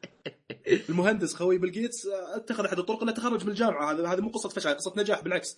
الرجال تخرج من هارفرد من أفضل الجامعات وكذا. بيل جيتس اتخذ طريق ثاني للنجاح. إن في- كانت هذه دعوة إنها دعوة إلى أنك شنو هدفك في الحياة؟ نجاح أقدر اعرفه إلى أنك توصل- للهدف هذا. إذا حققت الهدف هذا فأنت نجحت. سواء كان تبغى تبدأ business تبغى تخرج من جامعة تبغى تسافر تبغى تتزوج تبغى تبدأ مشروعك وات إذا وصلت لهدفك فأنت نجحت. في ملاحظات على الفيلم ولا نقيمه؟ آه، في عندي بالنسبة لي أنا المقدمه وش رأيك بالمقدمة حقت آه، شو اسمه هذا؟ نفس الممثل كيف قدم لك الفيلم بالبداية؟ إيه عند الحرية وكذا. أيوه. ممتازة ممتازة جدا روعه يا أخي يا أخي فعليا فعليا. يعني من أفضل ال- المقدمات اللي شدتني آه، آه، يعني يعني واحدة من أروع المقدمات اللي شدتني في فيلم. يعني كي أنا ترى بالبداية ترى يوم دخلت على الفيلم ما كنت يعني حاط هذيك التوقعات لكن يوم اعطاني المقدمة اللي بالبداية هذه حرفيا ما قدرت إيه. أوقف الفيلم. من الحماس يعني يعني من كثر ما خلاه الحماس حقي يرتفع فوق. اسلوب إلقاء وكيف إنه يرتجع له زي كذا كان ممتاز جدا جدا جدا. يعني حرفيا أول بالبداية يوم أنت قلت اللي كان ينافس ليوناردو على الأوسكار يوم تذكرت هذا المشهد قلت والله يحق له يحق له. والله أداء كان جدا رائع. آه، أنا كنت أحاول كان حلقتنا النقاشية الماضية كانت عن الإخراج. أيوه. قعدت اطالع مكانه هناك هل مستخدمين green screen ولا CG ولا شيء؟ ما إيه. مبين جدا صراحة. أعتقد إنه كان فعلا موجود بذاك المكان عرفت؟ آه، أي مكان. سواء كان آه. موجود. آه، عند تمثال الحرية؟ تمثال الحرية. إيه. لا هذاك كان الله أعلم CG. تقدر تجزم بهذا الشيء؟ آه، أنا تمثال الحرية كان واضح إنه كمبيوتر ما هو ما حقيقي. بالنسبة لي أنا. والله ما أدري أنا ما كان واضح. أشوف ما هو ها. والله يبغى لنا آه. والله. آه لأن في. ناس ترى أحيانا يصورون فيه يعني في ناس يوصلون المكان هذاك يصورون فيه. خبري أنا مرة قاعد اطالع برنامج أمريكان جت تالنت نيك مكانن على ما أعتقد آه، اسمه مقدم البرنامج. في بعض الحلقات وهو واقف بنفس المكان هذاك. ويلكم أمريكا ومش قاعد يقول ويصارخ كذا وهو واقف ذاك المكان. تجي تصوير من بعيد الظاهر بهليكوبتر هليكوبتر تخش إلى الكاميرا ولا حاجة زي كذا. آه، ف يعني اني anyway, سواء كانت CG أو green screen أو إنه كان فعلا موجود هناك آه، في كل الحالات المشهد كان رهيب. لأن. CG أو green screen فهي, فهي انعملت بشكل متقن وإن لم تكن بهذا الشكل فخلاص الرجال جاب لك scene رهيب جدا واقف في مكان جدا رائع عرفت في كل أه، الحالات مشهد هو- قوي هو شوف آه هو يعني لو لنفرض أن قلنا إنه CG آه ما ما هو ال CG السيء اللي طلعني من جو الفيلم فهمت علي؟ يعني لو إيه. ق... إيه،. إيه، ف- فهو آه بالنسبة لك يعني وش رأيك بحركات الإخراج اللي كان يسويها العبيط يوم يجيب لك اللقطات كذا وانت فوق بالقمة كذا. بعدين إيه. يا أخي أنا ترى رفع ضغطي تراه أنا جاتني لما ركب من حركاته هذه. ليه؟ يا أخي أنا ما أخاف من المرتفعات ما أريد المرتفعات أنا. والله أنا أشوف إنها لقطات جدا ممتازة. هي ممتازة يا أخي بس إنه يا شوف. اذا إذا خليتني أنا شخصيا كمشاهد أتوتر. خلتني أنا كمشاهد أتوتر. فأنت جدا عجبتني صراحة المشاهدة هو هو شوف هي إيه. ممت... هي ممتازة والدليل على أنها ممتازة أنها خلتني أعيش الجو لدرجة إنه أنا صرت أخاف من المشاهد هذه فهمت علي؟ شلون هذا مو مو إبداع هذا بالله عليك اللي أنت كمشاهد خلاك تعي- تعيش تعيش الخطر هذا عرفت؟ هو هو إبداع بس خلاص يا أخي أنا أنا ترى بغيت أنقتل ترى أنا يا أخي خلاص يا أخي خصوصا أنا الصور يعني حتى لو كانت بس صورة من المرتفعات غالبا ما أريد اناظر فيها فهمت علي؟ ف... فل... فللأسف يعني خلاني مرة جالس أعصابي بسبته العبيط. فيعني لا أنا بذكر معلومة بالمشهد هذا اللي كان تقريبا على نهاية الفيلم. فإذا أنت خلصت ملاحظاتك ننتقل لجانب الحرق. آه لا شوف قبل لا ندخل في في معلومة طريفة. هذه مي إيه. حرق هذه معلومة طريفة. آه الممثل اللي هو آه جوزيف ترى ما إيه. كان يعرف يمشي على الحبل وتعلم بهالفيلم. إيه تعلم عشان يؤدي دور هذا الفيلم. يعني أو يوم اختاروه ما كان يعرف يمشي على الحبل ولا كان نص حبل بعد. فهذه استغربت منها. من هذا الشيء. آه طيب. آه إحنا خل... خلينا نقيم هذا. لأنه جانب الحرق راح يكون نهاية الحلقة ف للي ما يبغى يسمع الحرق راح نقيم له الآن الفيلم. أه... تقييمك له يا فواز ولا تبغاني أنا؟ أنا أنا والله بصمة في التاريخ. والله. والله بصمة في التاريخ. يعني حتى النقاط اللي أنت ذكرتها شوف أنها قوية جدا. المشهد اللي بالبداية أه، وقفته وطريقة الشرح وكذا والكلام والإلقاء سرد القصة. تمام كل شيء ضائع كان بهالفيلم. والله شوف إذا كان قدر بصمة. إذا كان قدر يحطني مكان آه اللي هو مكان جو الممثل ولدرجه إنه يخليني من جد أعيش آه، جو الرعب اللي هو حط لي إياه فأنا ما عندي مشكلة إني أعطيه بصمة. ففعليا يعني بصمتين. أنا... آه، إي بصمتين. فأنا أشوفه شيء جميل جدا. يعني شيء أنا استأنست عليه. فهمت علي؟ طيب آه هذا بالنسبة تقييمنا للفيلم. آه طبعا آه الآن راح ننتقل ل ننتقل دايركت على الفيلم اللي بعده. ولكن إذا انت بتسمع جزء الحرق آه انتقل نهاية الحلقة. راح أحط لكم تحت آه اللي هو التوقيت حق الحرق لهذا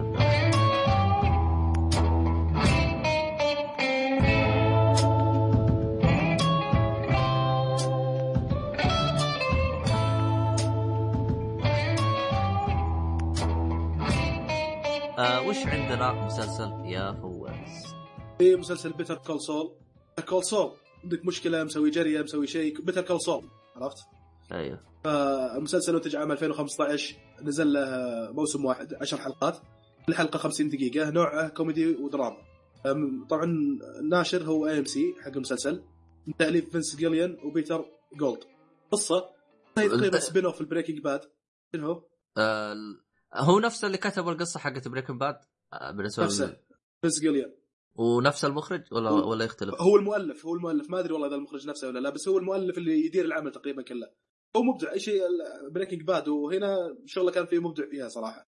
طيب. هو اللي يدير العمل وهو اللي يعني كان إنجاز Breaking Bad هو يعني ينسب إليه عرفت؟ فهو محامي اللي هو قصة Better Call Saul اسمه جيمي يعني آه، اللي ادى الدور هذا بوب اودنكرك اسم الممثل. فيما بعد يصير المحامي؟ سول جودمان هالكلام في 2002 يعني قبل لا يصير المحامي لوالتر وايت بست سنوات. إذا أحداث Better Call Saul قبل أحداث Breaking Bad بست سنوات.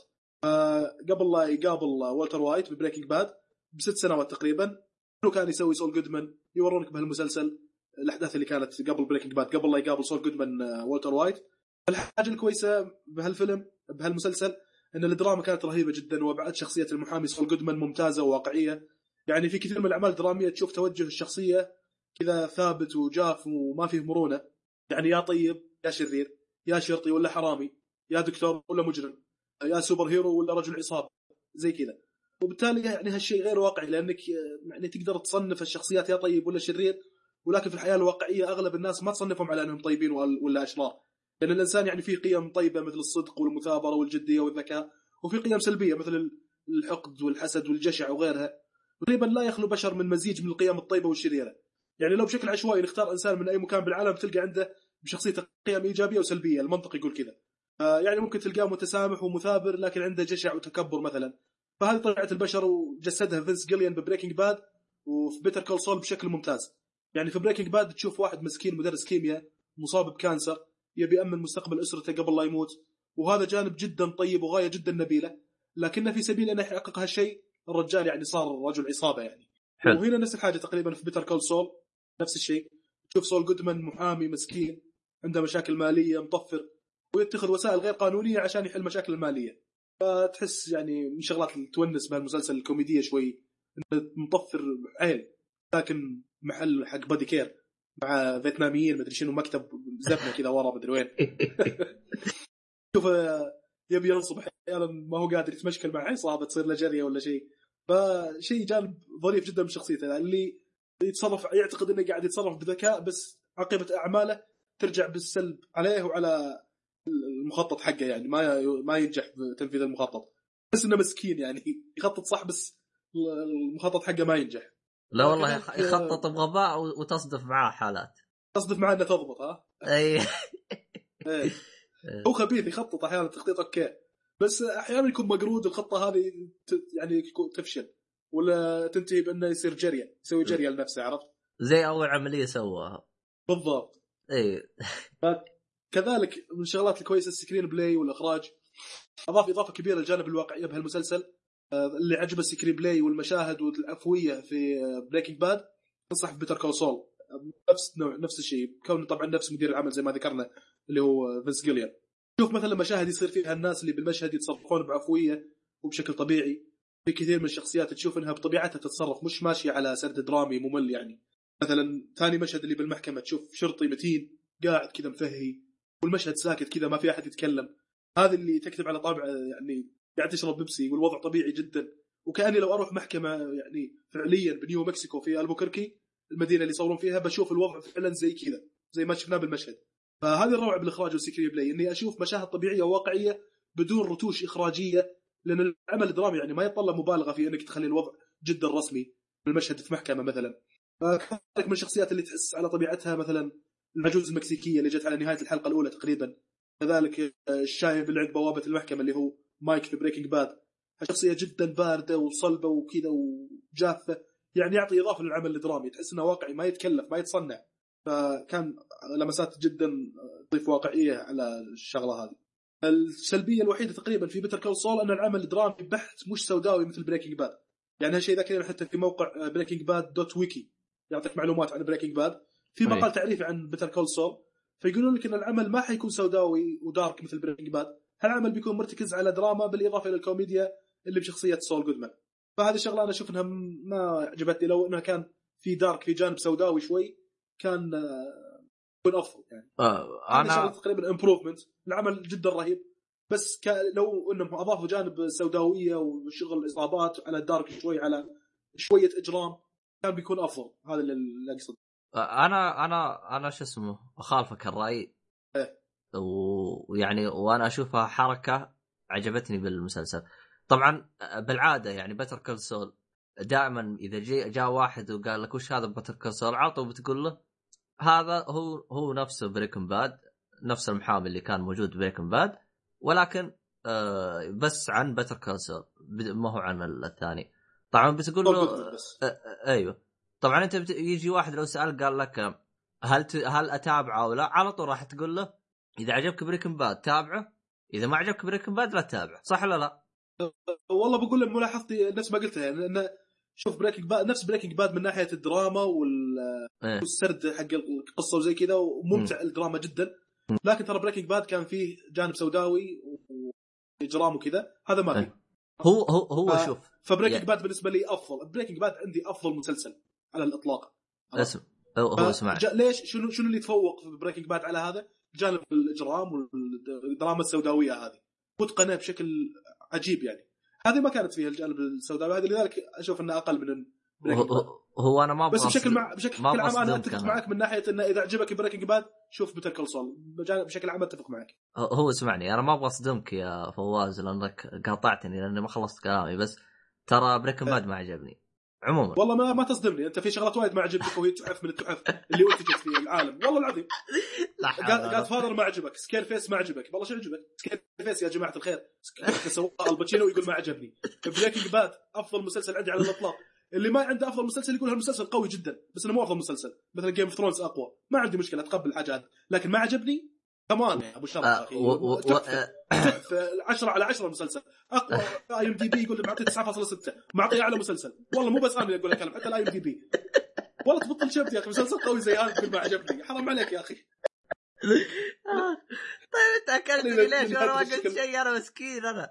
طيب يا أخي يا أخي شوف يعني آه، دائما اختلاف الآراء يعني ما ما أبغى مشاكل يعني خلاف علي؟ يعني من المعقول يا أخي. يا أخي يا أخي شوف هو. هو شوف هو آه طبعا أنت أنت على طول عصبت علي. طب أنت ما خليتني مثلا أقول لك وش الأشياء اللي زعلتني من الاشياء هذه. طبعا أنا سببي إنه بريكن باد اللي زعلني فيه. خايس. لا لا شوف شوف شوف السبب الوحيد اللي زعلني في بريكن باد التمطيط فقط. يعني لنفرض إنه لو لو مثلا كل موسم خلوه على عشر حلقات آه، احتمال تقبلي له يكون أكبر من إنه يعطوني 22 حلقة ولا 16 حلقة ولا هذا. كان شوية فيه تمغيط بالأحداث. كانت أنا أه، يعني ما هي عجبتني أنا- بس ما علينا النقطة هذه. كانت إيجابية اسمع. بالنسبة لي أنت كانت يا أخي عشان ايجابيه يخلي لك المشهد واقعي عشان يخلي لك المشهد واقعي. يا أخي تشوف ف... السيارة توقف بنص البر ويمشي واحد مسافة طويلة ويروح لذاك ويقتله ويرجع ف... بعض الناس يقول لك هذه تفريط زايد ليش كذا ماخذ المشهد؟ أنا انه يا أخي هذه روعة أيوه. أيوه يعني كان. كأن الناس عايشين بطبيعتهم قط لي الكاميرا كذا وأنت قاعد تشوف الناس كيف عايشين بطبيعتهم عرفت؟ أيوه فأنت دقق انت بوش اللي عجبني وما عجبني بعدين ابدا اجلدني أو هاوشني ف روق شوي علي أنا مسكين ترى ما سويت شيء. عموما ما علينا طيب. إحنا خلنا من Breaking Bad خلنا في Better Call Saul الغريب يعني أنا أنا طبعا يعني شو اسمه هذا زي ما وضحت إنه أنا ما عجبني Breaking Bad فواحد شاف Better Call Saul قبلي فكنت أنا أبغى بس أشوف الحلقة الأولى بس. آه بس قلت رحت سألته قلت له ها أشوفه ولا لا؟ قال لي أنت ما عجبك Breaking Bad فما راح يعجبك. قلت له يعني تقولها قال أيوه. فما ما شفتها فأنت يوم يوم جيت قلت بتحطه بالحلقة قلت يلا خلنا نتفرج عليه. حرفيا يوم شفت الحلقة الاولى اكتشفت إنه عجبني. يعني ما هو يعني هو اللي عجبني إنه آه، دراما بس بنوع مختلف آه، زي ما أنت ذكرت إنه مختلف إنه سوداوي. يعني حرفيا أنا ما ما كنت يعني آه، أميل نفسه هذا ال- اللي هو سول. لكن يوم شفت يعني كيف بدأ أحس بديت أنجذب بشخصيته فهمت علي؟ آه، بديت أشوف يعني وش يبغى يسوي من الكلام هذا. آه، يعني حرفيا آه، يعني أنا صحيح إني أنا ما كملته لين آخر لين العش... الحلقة العاشرة. هذا سبب إني أنا كنت مضغوط في الفترة الحالية. ولكن ما يمنع اني بعد ما بع- بعدين أكمله يعني ما راح أتركه. فهمت علي؟ يعني فأنا هذا الشيء اللي أنا استغربته انه كثير كانوا يقولوا لي إنه إذا أنت ما عجبك Breaking Bad ما راح يعجبك Better Call Saul لكن شفت أنا العكس من وجهة نظري أنا. فهذا الشيء اللي أنا استغربت منه. فممكن يعني أنا مثلا اللي يقول لي مثلا ما عجبني Better ما عجبني Breaking Bad أنا بقول لك شوف أول حلقة. إذا ما شدتك شخصية Better شخصية سول ما تبغى تشوف إيش يصير له. تقول الشخصية هذا بقلعته ما علي فيه. بإمكانك تقفل الحلقة تقفل المسلسل وابعد تعد عن هذا المسلسل كله. فيعني هذا هو. من وجهة نظري يعني الكلام اللي أنا كنت أبغى أقوله. فما أدري آه، أتمنى إنك اقتنعت لأنك شوي تجلدني أنا ماني فاضي لك أنا. لا لا بس ما أنا ما أبي أفصل ب Breaking Bad يعني. إيه. مم. مسلسل أكبر من إني أقول إنه مسلسل قوي وبس أسكت. إذا بتكلم عنه بفصل عنه بعطيه حقه. إيه حلو. إن بس اللي بقدر أقول إنه أفضل مسلسل شفته. آه، اللي شاف Breaking Bad شاف شخصية سول جودمان زي ما ذكرت أنت في Breaking مم. Bad ترى هي هي نفس شخصيته اللي موجودة في المسلسل. آه، يعني فيها كوميديا رهيبة يعني كان الجانب حلو. الدرامي برضو. حلو. بنوها شوي بالمسلسل هذا. هذه هي يعني آه، أشوف إنه يستاهل وقتك. طب عندك أنت زيادة على شيء تبغى. تضيفه؟ هذا كل شيء. أه طيب أنا تقريبا أنا هذا كل اللي أنا مدري أعتقد إني وضحت أنا نقاطي اللي كنت بقولها فيعني آه، أنا أتمنى أشوف أنا أت... شيء واحد اللي أنا أتمناه إنه ما يق... ما يوصل لمرحلة إنه يرسي مخطوم فيه. فأنا أبغى الدراما اللي زي كذا يعني. أنا أنا عجبتني يعني. الدراما حقت ووتر كونسول كانت لابس فيه عجبتني. يعني نوعا ما كنت مشدود. آه، في شوية أشياء ظريفة. الدراما اللي هي ما هي سوداوية بالمرة هذه نوعا ما أتقبلها. أه برضه أنا كأول خمس حلقات أشوف يستاهل وقتك. يعني انبسطت فيه. خصوصا إنه حرفيا جاني فضول كيف Better. كيف سول صار زي ما هو في Breaking Bad جاني فضول كذا فجأة فهمت علي؟ خصوصا بعد أول ما شفت أول حلقتين وكذا فأحس إني تحمست هو أشوف أنا كيف يعني يبدأ. خصوصا إنه في بعض الممثلين اللي كانوا معاه في آه شو اسمه في قول معي آه Breaking Bad إي أبغى أبغى أشوف متى يجون ما أدري عاد هل راح يجون بدري أو متأخر إلى إلى الآن آه، تقريبا في اربعه مشتركين في طا- كطاقم عمل يعني. بس جيليان في Breaking Bad وفي Better Call Saul. سول جودمان نفسه ودون كيرك ومايك اللي كان بواب تقريبا في Better Call Saul. هناك كان اسمه مايك في Breaking Bad وعلى ما أعتقد آه، في شخصية رابعة اللي جاب نهاية الحلقة الأولى. عصابة. عصابه كان في Breaking آه. Bad رجل عصابة بحت كذا يبيع مثمفتامين وفي هنا كان واحد قاعد ببيتهم مع أمه أو مع جدته. ذيك على أساس. موجود ترى كان في Breaking Bad إيه أنا أنا شو اسمه هذا؟ بالبداية كنت أقول هو مو هو هو مو هو بس الآن أنت. أثبت لي. إيه خلاص تمام تمام. بالاضافه إلى إني اشك بشكل كبير اللي المؤثرات الصوتية سوى ال intro بالإضافة للمؤثرات الصوتية الظاهر انه نفسه. كأني لمحت الاسم نفسه. ديف مارك أو حاجة زي كذا. وش أنت ما تأكدت يعني ولا متأكد؟ لا لا ما تأكد صراحة. آه. هو يشبه يعني بشكل 90% كبير. 90% أنا متأكد إنه هو نفسه. 90% عرفت؟ لاني اخبر الاسم نفسه كان في Breaking Bad آه عموما بامكان نتاكد بعدين نعدلها إذا كانت آه خطأ آه طيب آه هذا هو بالنسبة ل Better Call Saul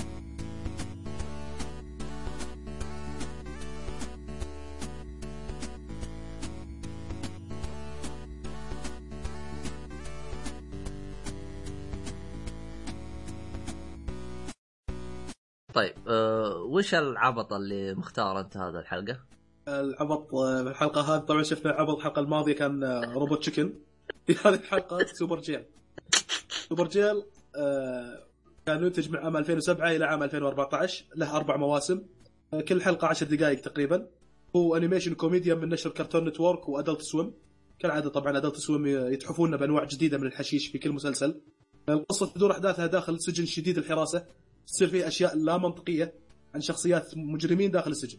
من الشغلات الرهيبة الانترو رهيب صراحة. تشوف في بداية كل حلقة تشوف شخصية واحد واضح إنه مجرم كذا. دقن خفيف وشعر طويل وفانيلا كذا ضيقة وبيضة وبنطلون أزرق. شكله شوفه كذا تحس إنه خريج سجون يعني. شوفه بداية كل حلقة يسوي جريمة. مرة يطب بيت يسرق مرة يسطو على بنك مرة يقتل واحد يأخذ فلوسه. فبعدين تجي زي المركبة زي الروبوت كذا لونها أبيض فيها مروحة تاخذه توديه للسجن اللي هو Superjail. وتبدأ تشتغل الأغنية عاد. حتى بالاغنيه يقول I'm coming home إن هذا يعني إنه مكانه الطبيعي هالمجرم. بيته هو السجن. وتشوفه مسكين ماسكته هالمركبة طايرة فيه توديه للسجن وبعدها تبدأ الحلقة. تقريبا هذا الشيء المنطقي الوحيد الطبيعي اللي تشوفه بهالمسلسل بعد ال intro الأحداث اللي تصير داخل السجن أنواع الحشيش وأنواع لا منطقيه يعني اللي يذكر توم وجيري يوم كنا أطفال كان يصير أشياء غير منطقية بس كذا كنا نستانس عليها يعني. يعني إيه. مثلا القطو تصفق كوره بيسبول تكسر سنونه وتوصل البلعومه تنشب عرفت؟ شوف انشبت بالبلعومه وأشياء فيها مبالغات زي كذا. فاللي يبي مسلسل كرتوني فيه هذا النوع من اللامنطقية بس حق كبار دموي وفيه إجرام فسوبر جيل حيكون مناسب لك. يعني مو شرط إنك تضحك ترى يعني لكن حتشوف سرد قصة لا منطقي بشكل سريع بس ممتع. إن لم يكن كوميدي فإنك بتستمتع بالاخبار والفوضى اللي تصير بهالسجن. هذه شغلة أشوف انها كويسة. آه، أذكر من السلبيات اللي ذكرتها ب Robot Chicken هي إنه ما في شخصية ثابتة تطلع بكل حلقة. كون الوضع طناز وطقطقة على مسلسلات ثانية وكل حلقة قصة غير عن الحلقات الثانية. إيه. هنا في Superjail في شخصيات ثابتة وممكن يعني تعجبك آه، في مشاهد كويسة. يعني مثل شخصية مدير السجن اللي مع مساعدة اللي مساعدة راسه كبير كذا أبو شنب. والشخصيه اثنين جاي كذلك كذا شعورهم شقر يتكلمون ببطء. ظاهر إنهم يراقبون السجناء من خلف الشاشات. هذه كذلك من الشخصيات اللي تكون موجودة في كل الحلقات تقريبا. كل ما يطلعون يشتغل لحن تكنو سريع كذا. أنا في البداية يعني ما كنت هضم الشخصيتين بس بعدين يعني مع مشاهدتي للحلقات بدأوا يعجبوني صراحة. شخصية هذول الاثنين الدلوعين. وكذلك من الشخصيات اللي تقريبا موجودة في الحلقات شخصية شرطية معضلة كذا. شيء قبيح جدا شرطية أنواع القبح تشوفها. كذلك هذه من الشخصيات اللي مستمرة تكون موجودة في كل الحلقات تقريبا.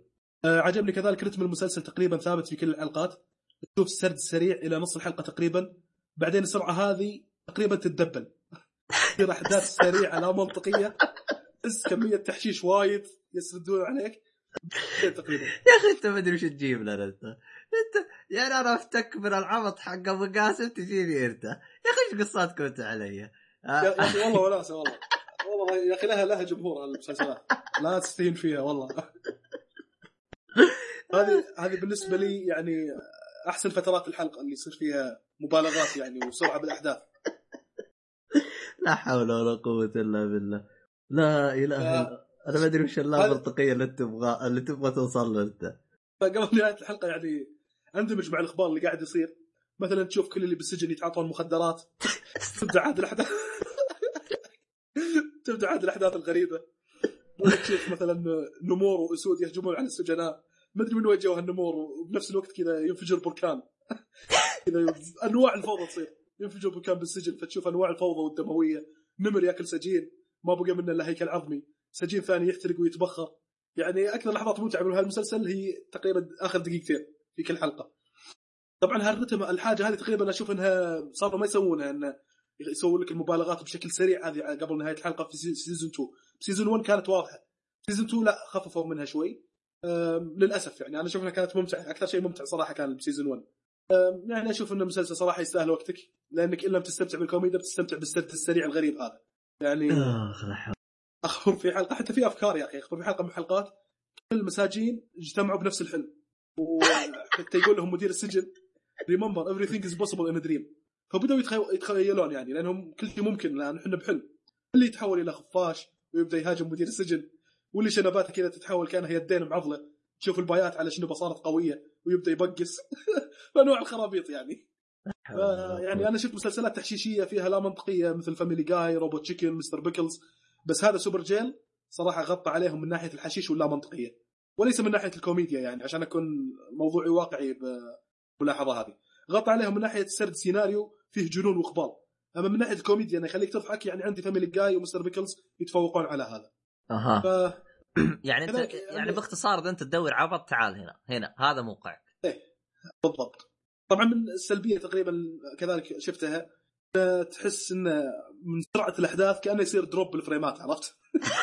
أحيانا تصير أشياء ما تستوعبها من السرعة والله العظيم فجأة نمر نقز بعدين نقز مرة ثانية فجأة واحد صار هيكل عظمي والثاني شق وجهه طاح في الأرض اللي صار عرفت؟ ما أدري اللي صار النمر أكل وجهه ولا إيش اللي صار ولا بركان ما يعني سرد سريع جدا يعني تحس إن الرسمه المفروض إنه يسوي لك إياها بفريمات أكثر حتى إنك تستوعب اللي صار. هنا تحس إنهم مسوينها بثلاث فريمات. واحد واقف فجأة صار هيكل عظمي. زي كذا. فالسرعة أحس إنه كان مبالغ فيها. يعني من ناحية تكون لا منطقية من ناحية تكون ما فهمت اللي صار أنا كمشاهد. هذه يعني يعني هم ملاحظات يبغاك تفهم المسلسل. أم لا ما أدري مقصودة ولا غير مقصودة. في الحالات سواء كانت مقصودة ولا غير مقصودة أنا أشوف إنها لا ليتك يعني مفهمني إيش اللي صار هنا. هذا هذا ليش مات عرفت؟ ليش كمية الجثث الهائلة هذه اللي قاعد أشوفها؟ ما يوضحوا لك إياها خلوها بشكل سرد سريع أحيانا. آه تمام تمام. طيب آه كذا إحنا خلصنا من العبط ولا باقي؟ خلصنا. أنت شفتها؟ كم حلقة شفت منه؟ يا أخي أنا أتذكر ما ما ما كملت إلا حلقتين شيء زي كذا. أنا لأنه أنا صارت عندي مشاكل الأسبوع هذا فأعتذر عن هذا الشيء. عموما نروح لآخر حق عندنا. يلا. نروح ل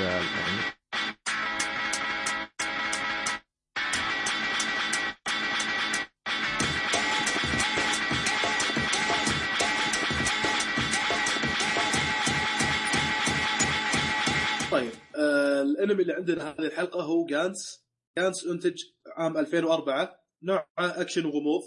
آه 26 حلقة. آه القصة حقت الانمي هي عن واحد ثانوي طالب اسمه مكاي بعد ما صار له موقف محرج بالمدرسة راح راجع بيتهم. وهو بمحطة المترو. يجي واحد سكران فاقد. السكران يترنح ومن قوة الفقده يطيح بال train track اللي هو مسار ال train فيقعدون الناس يحاتونه شو السالفة؟ إيش نسوي؟ هذا السكران طاح بمسار ال train وال train جاي بعد بعد شوي فلازم أحد ينقذه. شوي الا خوينا بطل المسلسل مع واحد ثاني شعر طويل اسود والظاهر إنه طالب بعد الثاني هذا. المهم اثنينهم ينقزون بمسار المترو يبون ينقذون خوينا السكران إلا ال train جاي. فيشقلونه بسرعة كذا ويقطونه على الرصيف يبعدون عن مسار ال train. تالي يركضون يعني آه، يدورون درج أو شيء يقدرون من خلاله إنهم يصعدون على الرصيف ويبتعدون عن مسار ال train. ما فيه الترين جايهم يقرب لهم. شوي الا خوينا بطل المسلسل يشوف نفسه طاير بالفضاء. يشوف الناس تصور ويقول في باله فيهم الناس يصورون؟ شوي إلا يشوف راس خويه أبو شعر مقطوع وطاير بالهواء والدمان تطلع منه. شوي إلا نفس خوينا يطيح راسه على الرصيف اللي جنب مسار المترو وهو يناظر الناس وتشوف راسه مقطوع عن جسمه وشوي شوي يغمض عيونه. يعني إيش اللي صار؟ وين راح خوينا؟ عالم أموات ولا عالم برزخ ولا عالم الجن؟ هذه ما وضحوها بالضبط. آه، ولا يعني ما يحسسونك إنه مهم نقول لك شنو هو العالم الثاني اللي راحوا له. المهم انه عالم غريب جدا جد يعني بمعنى بيزار يعني ويرد من جد. كل ما تحمل الكلمة من معنى عالم عجيب. فتصير لهم مغامرات بهالعالم خوينا بطل المسلسل مع أبو شعر طويل. آه، مع بنت تنضم لهالعالم بعد ما انتحرت بالعالم الحقيقي تروح لهذاك العالم الغريب. ف يعني رغم إن المسلسل غموض وخيال إلا أنه رهيب حتى بالجانب الدرامي يعني. أتذكر يعني مشهد صراحة اندمجت معاه يوم كانوا يتكلمون مع وحش كذا والوحش ما هو فاهم عليهم. شوف كاتو اللي هو أبو شعر طويل يقول للوحش أنا كنت بنقذ ولدك ما كنت بقتله والوحش جاي يهجم على كانو يعني ما هو مهتم أو زي اللي ما هو فاهم عليه.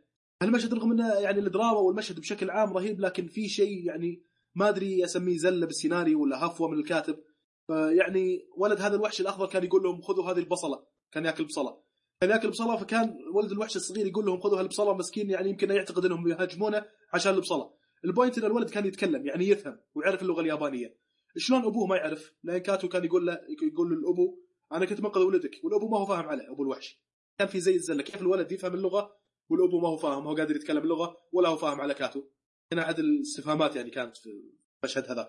بس المشهد بشكل عام دراميا كان كويس. ممكن بسبب إنه عالم غريب فأنت زي ما أنت شايف أنت يعني جدا غريب. ما له أي صلة ب... لا يمت بالواقع بأي صلة فممكن عشان كذا هو يحاول إنه يحط الحركات هذه بحيث إنه يخليه أغرب فهذا مو ترقيع للكاتب هذا مجرد إنه إحنا نشوف يعني إيه ف... ه- ه- هل هي مقصودة ولا غير مقصودة الحاجة هذه؟ إيه. يعني ما أدري لأن شو أقول لك الولد تقريبا كان يتكلم بلغة صحيح. زي اللي يعني إيه والأبو ما كان يقول كلام مفهوم ما هو عارف شو السالفة ما ما يفهم ولا يتكلم. حسيت إنه يعني الشغلات الغريبة في العالم هذاك متعلقة بأشكال الناس اللي موجودة بأشكال الوحوش بطبيعة البيئة اللي هناك شغلات غريبة قاعد تصير حولهم في المكان اللي لقوا نفسهم فيه. لكن هذه حسيت إنها صراحة يمكن زلة. عرفت؟ ما ترى عاد. ممكن لا قفلت الحلقة الحد- بعطيك سبب ثاني مقنع طيب عشان لا نحرق. إيه. كمل. الحاجة الثانية برضو سلبية المكان اللي لقوا نفسهم فيه بعد ما ماتوا الشخصيات تحس إنه مكان عادي يعني مش مرة متماشي مع طبيعة الإنمي. لأنه دارك وغامض وغريب لكن المكان كان عادي غرفة فيها كرة سوداء كأنها شاشة تطلع عليهم معلومات أسماء وصور الشخصيات ولا الوقت اللي بقى لهم عشان يقضون على الوحش مثلا. وما كان مرة في لمسة إبداعية غامضة. لو إنهم قاطينهم مثلا في قاعة مظلمة مثلا فيها شاشة كبيرة ولا مكان فيه أنوار بنفسجية على أنوار حمراء. نفس الأماكن اللي كانت بلاير game تقريبا. أحس إنه كان ضبط ال location أكثر. خاصة إنه كان يعني مكان مهم هذا. يعني كان في مشاهد كثير في الأنمي. هو المكان اللي يلقون نفس اللي فيه. كرة سوداء تقريبا. هاي تقريبا من الشغلات اللي كذلك أشوف أنها ما عجبتني مرة.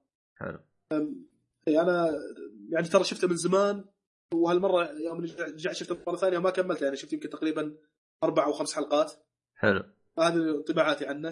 بشكل عام آه أشوف أنه يستاهل وقتك. اللي يحب شيء غريب قصة غريبة عالم ويرد يعني آه هذا يناسبك يا الأنمي. طبعا ننوه إنه بلس 18 يعني في مشاهد وكذا. هو أنا هذا اللي استغربت منه بالبداية بس مشيت. آه، هو شوف آه، أنا في حاجة سلبية بما أنك جالس تذكر السلبيات. آه، موسيقى البداية يا أخي ما تقبلتها. آه، آه، اسوء موسيقى بداية الأنمي عمري سمعتها. ما ما أدري ليه الموسيقى حاطين موسيقى سيئة البداية. لكن تس... ما أدري ما عجبتني. لكن أستغرب إنه الموسيقى اللي في الأنمي يا أخي ممتازة جدا. فقط البداية اللي ما عجبتني ما أدري ليه. مؤثرات صوتية تقصد اللي بكل إيه الحلقات وكذا. إيه اللي هي موسيقى الخلفية وزي كذا هذه تكون ممتازة جدا بالأنمي. آه، آه، في في حركة كانوا يسووها الأنمي ما أدري يعني تضيف نوع يعني حركة جميلة كذا إنه آه، يا أخي يوم تسمع آه، يعني كل واحد إيش يفكر فيه كذا حوار داخلي. إيه إيه. ك- كانت جميلة جدا خصوصا إنها كيف أشرح لك؟ تناسب جو القصة. جدا جدا كانت رهيبة بال يعني تشوفه هو راسه طاير يقول ها هذا خوي ليش كذا راسه طاير؟ وأنا إيش فيني اتحرك بالشكل هذا؟ قاعد يقول بينه وبين نفسه وإحنا قاعد إيه. نسمع كان إيه. آه، انعمل بشكل كويس إيه صحيح آه، بالذات في الجانب هذا الحوار ترى عموما كان كويس ترى هو خصوصا أسلوب يوم كانوا هناك يوم راحوا العالم الثاني تشوفهم يتكلمون مع بعض أنت سالفتك أنت من وين؟ كيف جيت كذا؟ يطلعون على اليسار يقول أوه هذه عمارة طوكيو هل هذا معناته إن إحنا في طوكيو ولا وين إحنا فيه؟ مهم. فرغم الغموض اللي موجود الحوارات كانت كويسة وواقعية يعني. لو فعلا الناس تحطهم بمكان غريب ما هم عارفين وينهم فيه راح يجرون يجري بينهم الحوار هذا بنفس التساؤلات هذه عرفت؟ بالضبط. أه، لكن في حاجة ثانية ما أدري هل تعتبر إيجابية أم سلبية؟ يعني أنا ما ما عجزت أصنفها يا أخي. يا أخي أكأب قصة شفتها بحياتي يعني كئيبة وسوداوية. إيه. يعني أحسه يعني تحس الانمي سلبي بزيادة ما أدري أنت إذا حسيت الشيء إيه. هذا أو لا سلبي بقدر ما إنه dark أشوف انه مو إيه إيه. على ظلامي ظلامي كذا الأنمي. إيه في تحس نفس الكاتب يا أخي تحسه زعلان وهو يكتبه اي ما- تروح للكاتب تقول له إيش فيك؟ إي قول لي إي عرفت؟ والله إي والله كذا بإمكانك أنت يعني ب statement واحد تقول لي الشغلات اللي القهر اللي أنت حاسس فيه اللي خلاك تسوي هالمسلسل عرفت؟ أحس يعني إنه في وراه فكرة ولا في شيء قد تستغرب إنه أنا شفت الأنمي كامل في يوم واحد اللي 26 حلقة. طبعا الأنمي إيه. هو هو كان له موسمين موسم أول وموسم ثاني كلها انتهت في 2004 أه يا أخي أنا طول ماني جالس أتابع جالس أقول يعني خصوصا يوم وصلت لنص ال- ال- الأحداث أو يعني تقريبا حلقة خامسه أو كذا بديت أشوف الحلقات اللي بعدها من باب فضول ال- الكاتب هذا إيش يبغى يوصل له من معنى؟ يعني يعني أنا تعجبت من أسلوب الكاتب يعني أغرب كاتب مر علي يكتب أنمي يمكن إيه، هذا الكاتب يمكن هذا الكاتب الوحيد اللي كتب لي قصة بهذا السوداوية يعني يعني يعني مثلا جايب لك كان اللي برا بالعالم ذاك كله. كله ليل كله ظلمة الوضع وكذا غير كذا إيه. الأح... الأحداث اللي يجيبها أحداث تقريبا أسوأ الأشياء اللي ممكن يرتكبوها أو أسوأ جرائم ممكن يرتكبوها البشر أسوأ إيه. أشياء ممكن أنت تمر عليك يعني. فعليا كل شيء يعني يعني ما أقصد إنه سيء إنه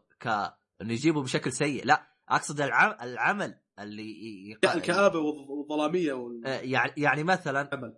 يعني مثلا ما يجيب لك مثلا واحد يسرق لا يجيب لك واحد آه يعني يسوي مشاكل مع الحريم ومن الكلام هذا آه إيه، زي كذا يعني يتغفل الحريم من الكلام يعني يجيب لك يجيب لك أعمال من جد تصنف كأسوأ شيء ممكن تشوفه بحياتك يعني. فتحسه شيء غريب فعليا يعني. آه آه في كان حركة يسويها كانت تجي تجيب لي زي ما تقول عنصر كذا نوعا ما رعب أو حاجة زي كذا اللي هو نظام 3D ما أدري إذا كانت تتذكره أنت أو لا. إيه، كان صحيح. كا- كان يمشي كذا تحس الشخصية منظور شخص أول. آه، ذكرتني كذا في على طول ما أدري إيش جاب الرابط في بالي. يا أخي في لعبة كانت نفس الطريقة زي كذا كانت على Station 1 كانت زي كذا يعني تحس نوعية الرسوم تغير وقتها. حتى نوعية أيوه. الرسوم والإخراج تحس إنها تغير. إي بالضبط. جاء, لا. جاء في اللقطة اللي يوم أول ما لقوا نفسهم بالعالم ذاك جاء إيه. واحد أخذ البنت وراح في زي السيب. جت أيوه. الكاميرا تمشي بالطريقة هذه اللي أنت تقول عنها. بالضبط. يوريك بالسيب إيش قاعد يصير وزي كذا.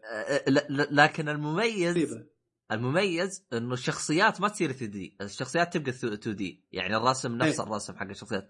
اللي يتغير فقط الجدران أو المكان المحيط بهذا آه، كانت يعني اللمسة حقته جدا ممتازة جدا آه، فأنا أشوفهم يعني اشتغلوا على 3 دي بطريقة ممتازة لكن تستغرب إنه هذا العمل في 2000 2004 يعني تقريبا شيء قديم تقريبا رسومه راح تكون شوي آه، مقار أضعف من ديث نوت صح؟ آه والله أنا أشوف إنه ولا مقارب ما كان جدا مميز ترى في الرسوم وزي كذا. المميز فيه كان السيناريو والقصة وكذا. إي فاهم فاهم. آه، بس أنا لأن ما أقصد لأن, لأن, لأن هذا ممكن أحيانا ترى رسومه يمكن تتفوق أحيانا.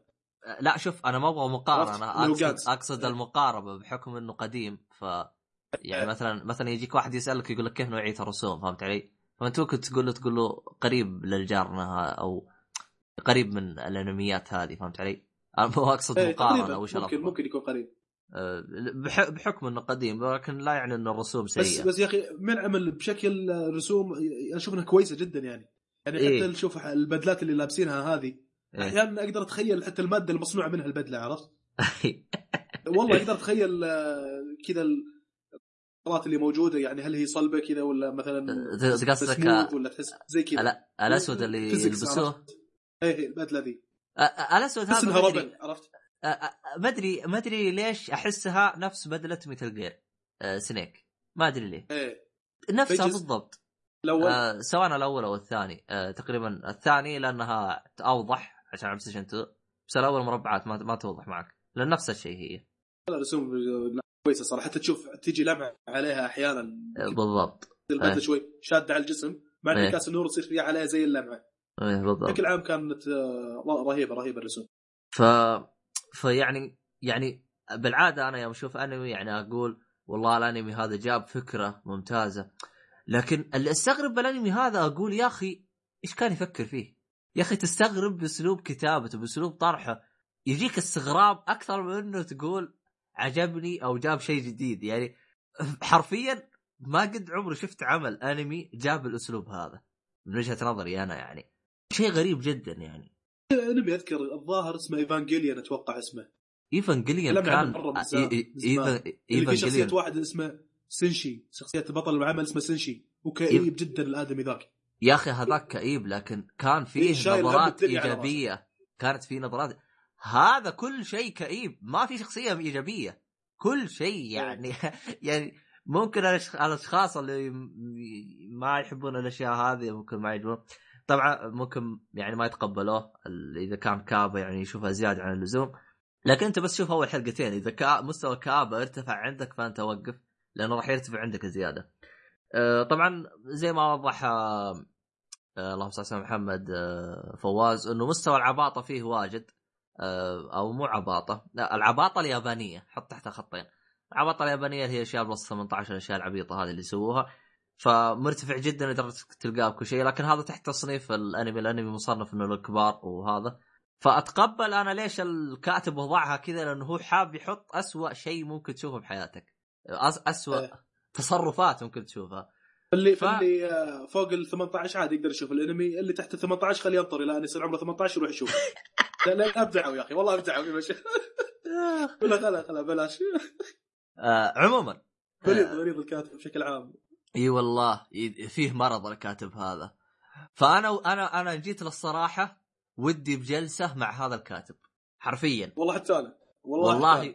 لأني أحس ان في فكر وفي شو اسمه يعني آه، فلسفة وراء الشيء اللي شفناه. إيه. لو بقول بيقول ما أقدر إني أوضح فلسفتي مثل ما هي ببالي. أطلع جزء بسيط منها بهال بهالأنمي. عرفت أوضح الفلسفة. والغموض والسوداوية اللي اللي عندها الكاتب حلو. طلعتها بجزء بسيط منها بهالانمي لكن ما أقدر أصرح عنها كامله فتحس ان عنده فكر فلسفة صراحة. ف... جدا دارك شوف إحنا نحاول إن شاء, الله نلتقي فيه أنا وياك ونشوف إيش عموما. استضيفه يمكن. والله. قول اشرح لنا اشرح لنا شنو جانتس قاعد تسوي والله. آه، فيه نقطة ثانية. طبعا إذا أنت خلصت الأنمي طبعا الأنمي هو آه، موسمين زي ما ذكرت كل موسم 13 حلقة مجموع الحلقات راح يكون 26 حلقة. لو انهيت الانمي راح تكتشف انه الصورة اللي كان بيقدمها لك ما انتهت. هذا رقم واحد. الصورة الرقم اثنين كل اللي كان يجهز لك إياه ما وصل يعني النص أو أو ما ما وصلني وش الفكرة اللي هو بقدمها له. يعني إحنا هذا السبب اللي إحنا جالسين نسال نفسنا ليه إيه الكلام لا لا لأن غامض المسلسل. يعني إيه. أنا اعتقدت إنك فهمته الآن فهمت الرتم وفهمت كل حاجة راح يفاجئك. ستيل راح يفاجئك بلقطات غير متوقعة. بالضبط. ف... يعني تمشي خلاص المفروض انك الان مشيت على الرتم يعني ثلاث أربع حلقات آه خلاص إذا السيناريو أو الرتم حق الحلقة ماشي بالشكل هذا لا لا لا. مو شرط احتمال تجيك صدمة أو بداية الحلقة أو صدمة قبل النهاية أو بالنص. احتمال تجيك حلقة ما فيها شيء. احتمال تجيك حلقة كلها حماس. عرفت؟ فيفاجئك يعني بالرتم حق المسلسل وبسبه إنه غامض عشان كذا تحس إنك بتوصل للنهاية وتخلص المسلسل وأنت ما وصلت لك رسالة واضحة يبغى يوصلها مثلا أو نهاية متوقعة. غير متوقعه ابدا unexpected يعني الأحداث. آه، لا هو شفت نهاية الأنمي ترى ما هي ما هي نهاية المانجا. آه أيوه فهمت علي؟ هو أعطاك نهاية ثانية عشان ينهي الأنمي فهمت علي؟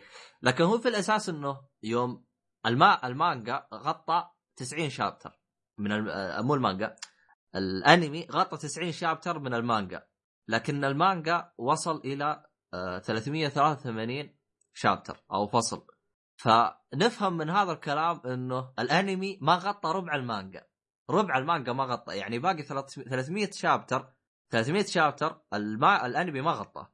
آه، فأنا اكتشفت إنه فيه آه، أنمي راح ينزل آه، أو مو أنمي فيلم راح ينزل عن هذا الأنمي آه، في 2016 ما حدد إلى الان هو خريف صيف شتاء ما حددوا أي شيء فقط قالوا في 2016 آه، أتمنى إنه يكون كمالة. يعني لأنه في بعض بعض الأشخاص يعني ما يحب يقرأ الانمي من ضمنهم. أنا مو الأنمي يقرأ المانجا. ما أحب يعني المانجا ما عندي مشاكل فيها لكن ما أحب أقرأها. أحب أشاهد أكثر إني أقرأ. آه، الشيء الثاني آه، كيف أشرح لك؟ اللهم صل محمد. يعني أنت شخص لو خلصت الأنمي وتبغى تقرأ زيادة أو تعرف زيادة عن هذا الأنمي آه، بإمكانك إنك تكمل من شابتر 90 يعني تبدأ من شابتر 90 وتقرأ وتكمل. ها آه، يعني هو إلين شابتر 90 وقف الأنمي فأنت تقدر تكمل من شابتر 90 وتنطلق. الانمي راح يغطي لك إلى شابتر 90 يعني. بالضبط. فأنت عندك 300 صفحة تقراها عشان تفهم ال ال ال الكاتب هذا وش يبغى يوصل لك من فكره طبعا أبغى أوضح إنه المانجا آه، المانجا بدأ من العام 2000 وانتهى في 2013 يعني المانجا انتهت بإمكانك إنك تروح تقراها وتفهم وش هذا وش يحس فيه هذا الكاتب.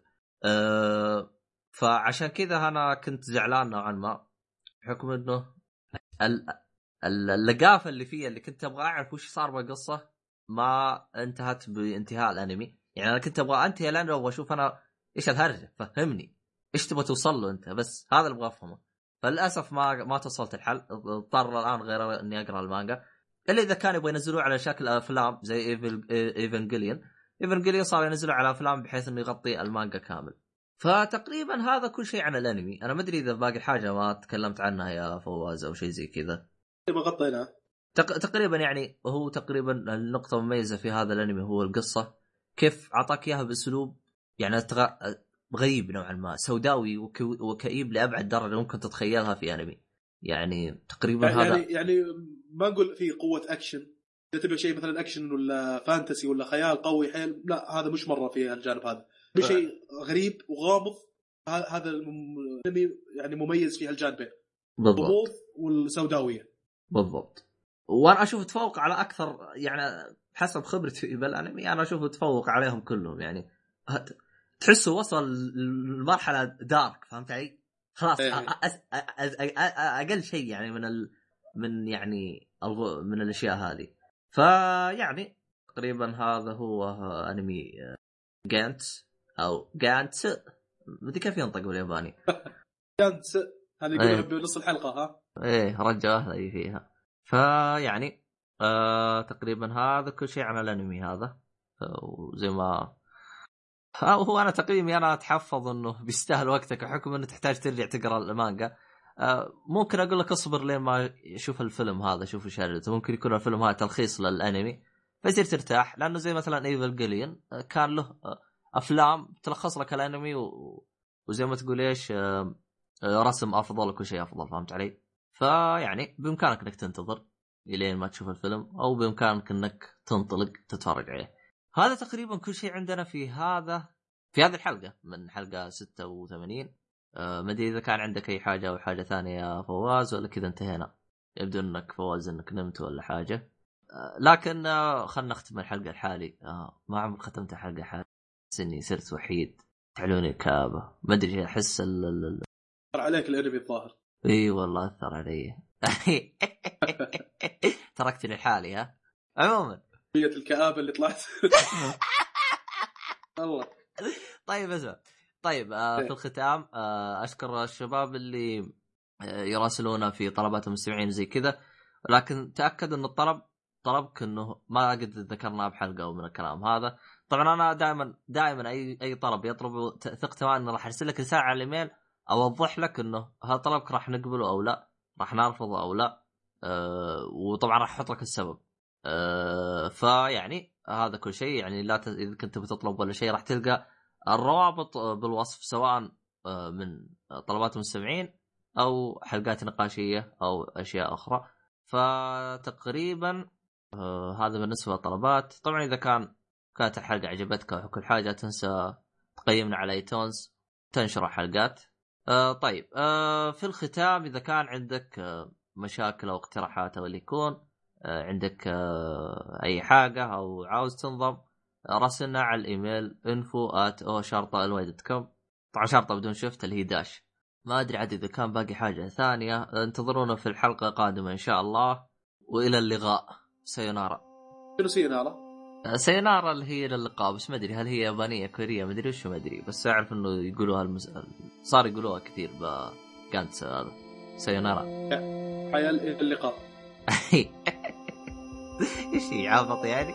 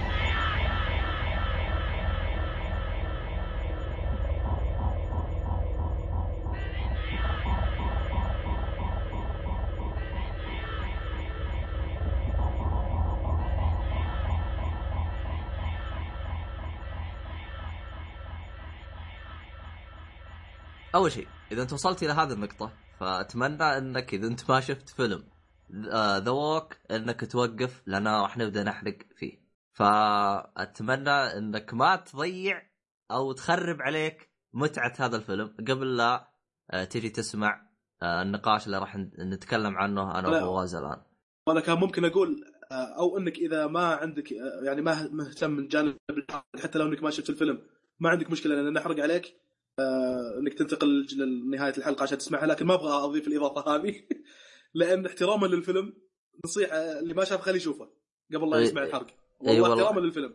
الفيلم ما قلت الحاجة هذه. كان قلت ما عندك مشكلة حتى لو ما شفته وما همك الفيلم اسمع الحرق وكذا لكن احتراما للفيلم والله قوي جدا صراحة. اسف إنك تضيع على نفسك وش اسمه أيوه. يعني. بالضبط. فيعني أتمنى إنك توقف هنا تروح تشوف الفيلم. أما إذا أنت شفته فيعني كمل وانبسط طيب وش ناوي تقول بالنقاط اللي تبي تتكلم عنها آه، من الشغلات اللي آه، عنها يعني وتأكدت منها أنت تقول انه لعب باعصابك آخر شيء يوم إنه كان قاعد يمشي بين العمارتين صح؟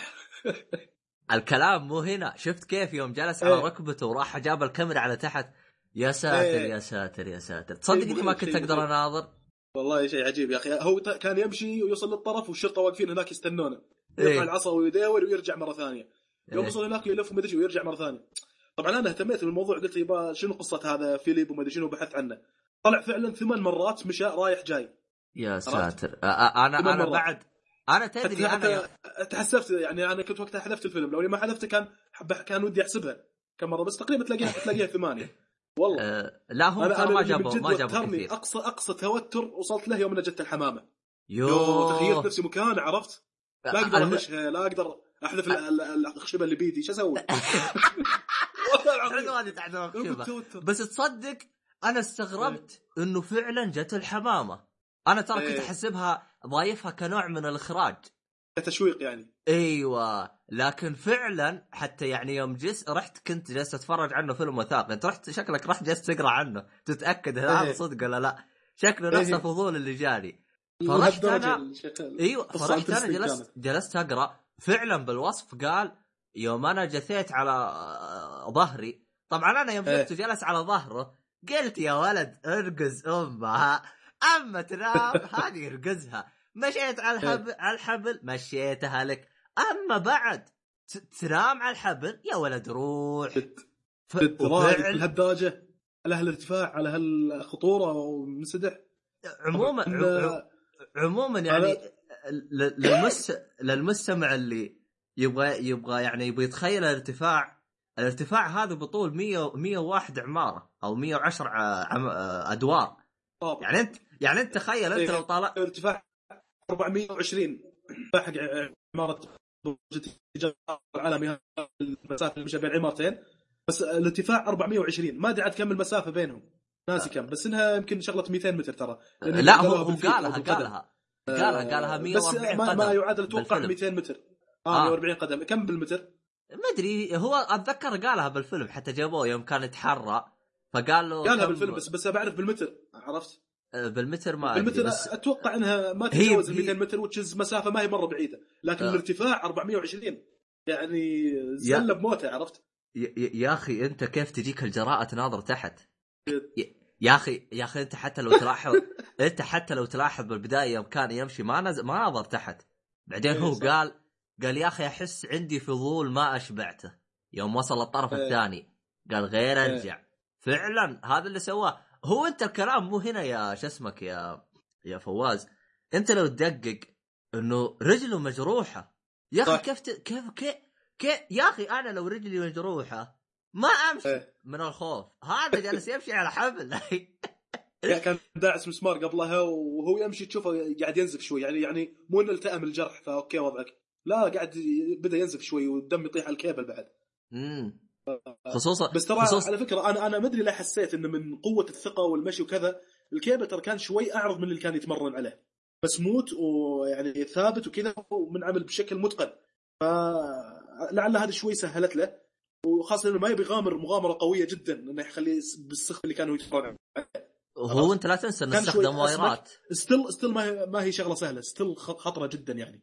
انت لا هو أنت مثلا أنت جالس تقول إنه هو إنه أسمك بس أنت لا تنسى إنه 400 متر مستوى الهواء أعلى. أنت يوم تكون إيه. على ارتفاع منخفض لو تحط واير ضعيف ما عندك مشاكل لأنه أنت ما عندك عنصر الهواء. أنت قد انه إنك إيه. بمسرح والهواء شبه معدوم. فأنت ما إيه. تخاف من هذا الشيء فأنت في ما بالك في 400 متر 400 متر فوق يا ولد أنت أنت الآن لو, يعني- لو, لو يعني ارتفعت يعني برج الفيصلية عندنا برج الفيصلية تقريبا 400 ي- عادي. ي- أنت أنت في حاجة ثانية يعني أنت لو لو تدقق فيها أنت لو ترتفع إيه. على سطوح بيتكم الهواء بيصقع فيك صقع لدرجة إنه ما يخليك يعني وأنت على أرض منبسطة ما يخليك تمشي إيه. ب- يعني بشكل معقول فيعني شيء من جد. شيء آه، يا أخي يا أخي هو قاعد يمشي يقول أنا متعود من النصائح الأساسية اللي لما يعني تكون متقن للفن هذا المشي على الكيبل أيوه. إنك ما تنظر تحت تنظر لقدامك طريقك. لكن أيوة. قاعد أتساءل I'm wondering الناس شنو وضعهم تحت؟ وتشوفه يطالع تحت. يو ناس بعيدين عنه؟ اللقطه صراحة تحبس الأنفاس. والله العظيم تحبس الأنفاس. وف... خصوصاً- أنا يعني أشوف إن الفيلم إيه. رتمه كان رهيب يعني كسرعة وكسرعة أحداث كذا رتمه كان كويس. إيه. إلى نص الفيلم إلى ما راح نيويورك وكذا. من بعدها الرتم السريع هذا كتشويق كشد انتباه يتدبل تقريبا. بالضبط. من يوم إنهم خذوا المعدات وقاعدوا أه. يهربونها للعماره وكذا. هذه كانت أه. رهيبة جدا. انه تشوف إن الطر- الطريق مو سالك عنده. يعني كان في نكبات في شرطي قاعد ناشب. الأسانسير معطل وقتها مدري شنو. و- ومع كان ذلك شيء رهيب صراحة. ومع ذلك- ستوري يعني قصة حقيقية القصة صارت بالشكل هذا عرفت؟ واصر الرجال. ما يعني آه. لو أنا أحط نفسي مكانه بقول هذا هذا ال signs ان أنا يا فواز تراجع ترى. خطر الشيء اللي تبي تسويه تراجع عنه. وفعلا زي ما قال أخويا. ربانية زي ما قال. أخويا. قالوا ها أوه هذه علامة ما يبغاك. قال لا. ها وكل ما يسوي كل ما تجي عقبة يقول له يا ولد ترى هذه علامة إنه ما يبغى انه إنه ممكن تصير لك مشكلة ممكن ما أدري كيف من الكلام هذا. فمن الكلام هذا. آه، في حاجة في حاجة يعني أحب إني أأكدها بالنسبة للمستمعين اللي شافوا هذا الفيلم ويعني ممكن جاهم بعض الشك من نص الفيلم يعني من بدا ما من, من بدا آه، راح ل اللي هو آه، من بدا يوم راح لنيويورك إلين ما مشى. على الحبل ونزل هذا كله مية بالمية حقيقي. ما في أي تأليف. مية بالمية ح- زي ما صار بالضبط. حتى هو زي يوم ما صار. حتى حتى يوم إنه آه، يوم إنه وصل الحبل وصار ما هو ما هو لابس هذه بعد صارت جالس يلوح يدور. يشوف إيش الحرجة. بعد في حاجة المقولة هذه هو بعد قالها المقولة. قال يوم حطيت رجل على المبنى ورجل على الحبل. فقال هي خطوة واحدة بس وأسير على الحبل. إيه. إيه، يا أخي هذيك المقولة هذيك خصوصا يجيب لك الهواء كيف يجيك كذا كان جد شعور ممتاز جدا. آه. حتى حتى ترى لدرجة شفت لما يقول نسيت بدلتي اللي كنت ناوي إني ألبسها وأنا أمشي. إيه. آه، كان يمشي لابس أسود. تيشيرت أسود وبنطلون أسود. إيه. بس حقيقيه يوم يمشي موجوده له صور بالشكل هذا بالضبط. بالضبط اسود إيه. بنطلون أسود؟ عرفت لهالدرجة ال... إيه. يعني جايبين بعد آه، آه، بعد طبعا شو اسمه هذا حتى المكياج بالنسبة للمكياج مهتمين لدرجة إنه قرب قربوه لشكله بالضبط. أنا قد شفت نفس هذا شو اسمه بابلو هو صح؟ اسمه؟ ولا إيه؟ اللي فيليب. على الحبل. فيليب. اي فيلم آه، آه، ف- ف- فيليب نفسه كان شعره أشقر رغم إنه نفسه مثل اسود فمزبطين المكياج لدرجة إنه تقريبا قربوه لشكله بالضبط يعني شكله كان قريب له بشكل آه، قريب جدا. آه، يعني كانوا من جد معتنين بكل حاجة بالفيلم هذا. يعني أحس طلعوه بأفضل. لا هو الآن أنا شفته على التلفزيون قلت الحمد لله إنه يوم كنت بالسينما طردوني. تقول لي ليه؟ السينما أنا يوم جيت أبغى أدخل السينما قالوا لي أنت متأخر آه شو اسمه قول معي آه ربع ساعة. تبي تدخل الفيلم؟ لا. قلت لا أنا يا أدخل كا يا أدخل وهو تو بادي يا لا. ورجعت. قلت لو إني شفته هناك كان جتني أم الركب والمرارة وكل شيء مو بزين عشان إني شفت الفيديو هذا. يا أخي والله مو لا طبيعي. أنا أنا والله متحسف. أنا بالعكس لو أنا يعني وشفته بالسينما أنا ما أدري إنه بهالقوة قسم بالله. ولا كان حرصت إني أشوفه بالسينما و 3 دي. يا, ابن الناس ادفنشر مغامرة تحسها صح من جد ادفنشر يا أخي هو يمشي بغى يفك الحبل شوف إيه. كذا طق فيه. إيه قسم بالله شيء عجيب يا أخي شيء مخيف. لا في حق والله العظيم آه،. طب شو اسمه هذا؟ يمكن آه، آه، أحمد شافه ولا ما تتوقع؟ ما أدري والله والله ما أدري. الفيلم ترى ما ما سوى ضجة. مو مثل The Revenant ولا The Hateful Eight ولا من الأفلام هذه الأخيرة اللي انتجت يعني؟ آه هو شوف. هذا ما كان له آه هو شوف هو ما أدري أنا هذه هل تعتبر. هو هو أنا ما أدري هذه هل تعتبر دعاية؟ لأن غالبا إذا كانت قصة حقيقية يدفعون لنفس الشخص عشان إيه. يعطوه دعاية. نفسه هذا فيلم شافه على ال IMAX 3D. فهو جالس يوصف شعوره قال يا أخي كأني كنت هناك. كأني آه. آه، رجعت بالذاكرة وجالس أمشي على الحبل. قال من جد يعني المخرج زبط هذا ويعني خلاني أعيش الدور يعني أو إيه. أنصح أي واحد إنه يشوف من الكلام هذا طبعا تعرف أنت في, في بعض الحالات في بعضهم يعطيك من هذا خصوصا إذا كانت القصة عاجبته عشان إيش؟ يسوق للفيلم أو يدفعوا له عشان يسوق للفيلم عشان تزيد إيه. التذاكر عليه فما أدري يعني هل تتوقع إنه هذا قالها من قلبه ولا دافعين له؟ والله ما شفت هو يقول الكلام هذا طريقة الإخراج على طريقة الكذا أحيانا دعاية. وأحيانا لا أنا مقابله وقاعد يتكلم من صدق الشخص هذا. لكن في كل الحالات الكلام اللي قاله ما كذب فيه. انه أها. أبدعوا في الإخراج وأبدعوا في كذا وتصوير وكل شيء. ما كذب فيه. أنا من اللي شفته فعلا كان في إبداع بالإخراج وفي التصوير وفي كل حاجة. خطوه قوية في مسيرة هذا الممثل. أنا أجزم بهذا الشيء. بس أخذ تا- في أفلام قوية من قبل. أه، قصدك آه، البطل؟ إيه. هو البطل ك... ك... كفيلم رئيسي ما كان له آه، ما أخبر له فيلم قوي. بس كفيلم يعني يعني يكون مساعد آه، في انسبشن كان مساعد ممتاز. الثاني في واحد خويه كان يساعده اللي كان مدير قاعة السيرك أو حاجة زي كذا. حلو.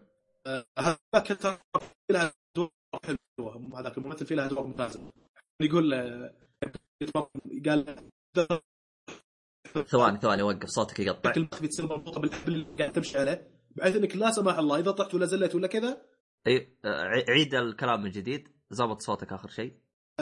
قال له ممكن إنك تربط حبال بالحبل اللي قاعد تمشي عليه بحيث إنه إذا لا سمح الله زل رجلك ولا طحت ولا شيء إلا الوضع still safe يعني راح في حبال تكون رابطتك. هذاك قال لا لا لا ما أنا شنو قاعد ألعب. أنا أبي أمشي فعلا. ما أبي شيء يربطني ولا ش... ولا أخذ احتياطات أمنية ولا شيء. قال الناس ما راح يشوفون الحبال هذه راح تكون مربوطة بشكل أنت الناس ما راح يشوفونها. قال تبيني اغش نفسي أكذب على نفسي. لا لا ما بدون حبال بدون شيء بدون safe بمشي لا. من نقطة إلى نقطة ثانية. حتى تشوفه مره من المرات بغى يطيح يوم انه كان بالسيرك. بغى يطيح بس تعلق هو بالحبل بيد- بيدينه وزي كذا. إيه فهو اعطاها نصيحة واضح ببلاش. إنه كان عنده إيش يبغى يسويها بين العمارتين بدون لا يكون في الليجل تكون بشكل الليجل وبالطريقة اللي موجودة بذهنك إنه ما يكون في شغلات احتياطات أمنية مع احتياطات أمنية. لا لا بمشيها بدون حبال بدون شغلات بدون الشكل هذا. هي قصة عجيبة صراحة. آه، لا هو شوف آه، في حاجة يعني هو قالها بعد نقطة مهمة جدا. آه، قال بعد قال هو لنفرض انه أنا ربطت الحبل وما شافوني لكن لازم أكون صادق بقلبي مع جمهوري زي ما أنت علمتني. لأنه هو قال له بالبداية كان يشرح له كان يقول له لازم تحيي الجمهور بقلبك. فهو جالس يقول إيش إيش السخافة هذه؟ فشوف كيف انقلبت إيه. آه عليه. ف هذاك عبيط بعد شوي. يقول هلا؟ يلا ابد تحية قدامي. سوى سوى هذاك عبيط شوي خويه إيه. قال له كيف تحيي الجمهور؟ جاء سوى تحية كذا قال له لا قاعد تبالغ إيش دعوة إيه. كذا؟ تو ماتش جاء سوى حركة كذا عشوائية إنه يحيي الجمهور. قال كذا أنت قاعد تستهزئ بالجمهور. بس ما عرفنا له كيف أحيي الجمهور؟ طيب. قال حي الجمهور بقلبك حس فيها مش قاعد يقول له. عاد بعدين إن هذاك يبغى يعرف كيف يحكم الربطة حقت الحبل على الاعمده قال له أبغاك تعلمني كيف أحكم الربطة وزي كذا. قال له تدفع لي تحس إنه يستغله قال له تدفع لي فلوس واعلمك شلون؟ صار يدفع له فلوس ويجي السيرك يعلمه كيف يربط الحبل ومن الشغلات هذه. وزي ما ذكرت أنا جانب العلاقات ساعده كثير. واحد من العلاقات هذا خوية صاحب السيرك. الجا- العلاقة الثانية خويته كانت تدعم له. العلاقة الثالثة المصور حقه. لكن صح حاجات ساعدته. واللي تعرف عليهم بنيويورك. في حاجة ها ما أدري إذا أنت لاحظتها أو لا. تتذكر يوم هو كان يمشي فوق ما جابوا لقطة على زوجته واللي كانوا ساعدوه وأبو شنب هذاك؟ إيه إيه. شفت صورة آه، قديمة آه، لهم. بنفس الموقف وبنفس الأماكن حقتهم. وبنفس أشكالهم. بنفس أشكالهم. معاهم. إي كان معاهم الدرابيل وزي كذا. فشفت هذا أبو شنب جايبين نفس اللي بالصورة اللي لقطوها له. آه هو ال... هو اللي فاد آه هذا نفسه اللي فيليب إنه مشى على الحبل إنه ما في أحد يقدر ينكر إنه مشى أو لا لأنه آه آه تم تغطيته اعلاميا وفي صور الحركات اللي سواها سواء جلس على ركبته انسدح مدري كيف هذه كلها مصورة وموثقة. يعني أيه. المخرج هذا ما زاد أي حاجة اللي عشان يس... عشان يحمس الج... يحمس آه، المت... آه، المشاهدين. لا كل اللي ما- جابه ما- هذا عبارة ما اضاف عنصر تشويق ولا زي حاجة ولا شيء أيوه. هو مهارات، أصلا قصته مشوقة. استخدامات سينما ولا شيء. سواها زي ما صارت. أيوه فطلع شيء طلع تحفة تحفة فنية غير طبيعية يا شيخ. آه، في حاجة آه، ثانية أنا كنت بضيفها نسيتها يا أخي راحت عن بالي. آه، أنا جلست أبحث عن هذا الباشا إنه آه، طبعا هو بعد ما مشى برج التجارة. آه، توقعت إنه وقف. طلع الباشا ماشي عند آه، ضد آه، أو فوق أشياء ثانية كثير.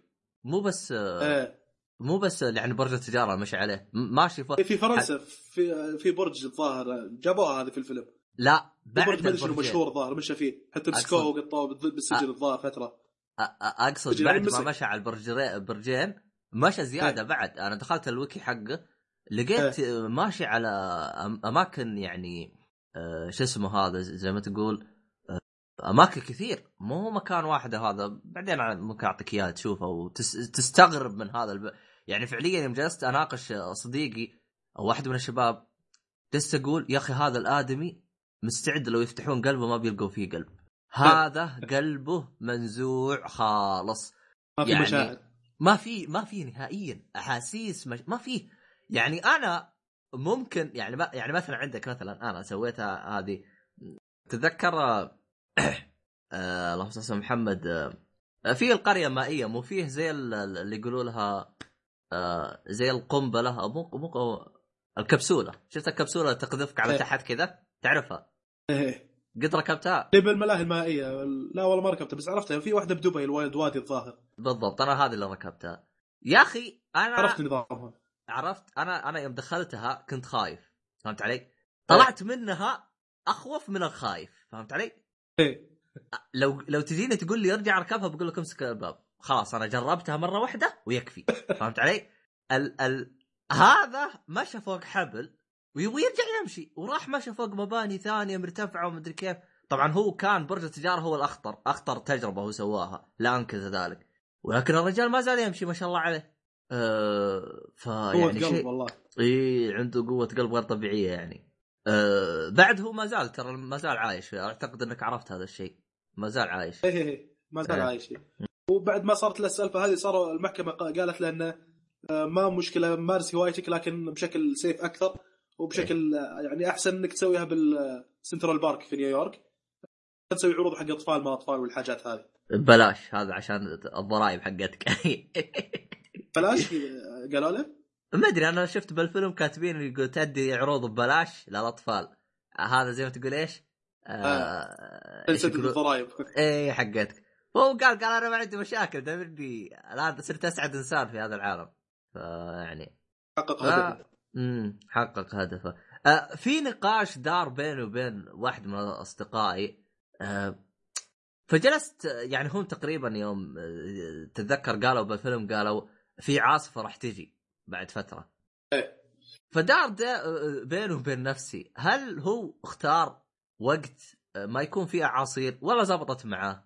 والله لا كان وقتها شوف أنه ترى ما كان في أعاصير هم قالوا إنه في أعاصير صار جتة ما كان آه، كان بس يعني الوضع أوكي بس إنه أول ما حط رجله كان في غيوم كانت تخبر غيوم إيه. على ضباب خفيف على زي كذا إيه. بس لعله يقصدون انه, إنه يتخيل إن الوضع كذا لأنه يوم انحط رجله تخبر كان يقول فجأة يوم انحط رجلي على الحبل صار الوضع آه، ما أسمع صوت أحد ولا إيه. أشوف شيء قدامي إيه. ما أشوف إلا حبل يمتد إلى آه، لا شيء كذا يخش في المجهول أها الحبل اللي هو قاعد يمشي عليه وما أسمع كلام أحد زي كذا فلعل كانوا يقصدون إنه يتخيل الأجواء هذه آه، أيوة، يعني قصدك. آه، يحط يحطوك بمشاعر يعني يحطوك بنفس الجو اللي هو عايش فيه أيوه هذا قصدي. بالضبط كان يتخيل. إنه في ضبابة وإنه في غيوم ما كان يشوف. شيء قدامه مركز تركيز تام على خطوات رجوله إنها تكون على الكيبل وزي كذا حتى لو إنه كان إذا كان في غيوم فعليا ف still okay ما راح تكون أصعب بالنسبة له الغيوم مجرد إنك ما راح تشوف نهاية الكيبل هذا صحيح شوي أصعب إنك ما تشوف نهايته لكن مش شيء راح يربشك نفس ما مثلا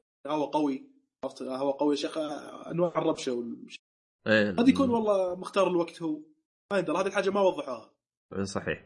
آه هو أنا أتذكر آه أتذكر يعني جلست أنا آه، تناقشت هذا مع صديقي فصديقي قال قال يحمد ربه إنه الهواء كان معتدل أو الجو كان معتدل يعني ممتاز. قال لو كان فيه شوية هواء إنه غير يطير مع الحبل وخليه ينفع هياطه ف يعني يعني تقدر تقول من جد يعني كان شيء خطير جدا. بعدين جاء وقتها ممتاز على الفجرية كذا على شقة النور. إيه. لأن هو صارت له قروشة وتأخر وكان يبغاها بالنهار هو. بس إنه بسبب إن النهار كان في ناس رايحين وصلصيل مشغول وما أدري شنو وزبن فترة طويلة. ده الشغلة هذه سببت له إرهاق وتعب زيادة. إيه بالضبط. ولا. تنسى إنه ما نام. جالس موسوس. إيه. فيعني آه في نقطة أخيرة ما أدري. إيه اسلم. ما أدري أنا أطلقت الخيال كذا زيادة عني. يعني زي ما تقول إيش؟ أطلق خيالك خلينا نشوف وين وين توصل. فتخيلت قلت الآن آه، برج خليفة ارتفاعه 800 متر. تمام؟ آه، لنفرض إنه كان جنب برج خليفة فيه برج ثاني بنفس ارتفاعه 800 متر. هل كان يقدر يمشي بينهم. حبل.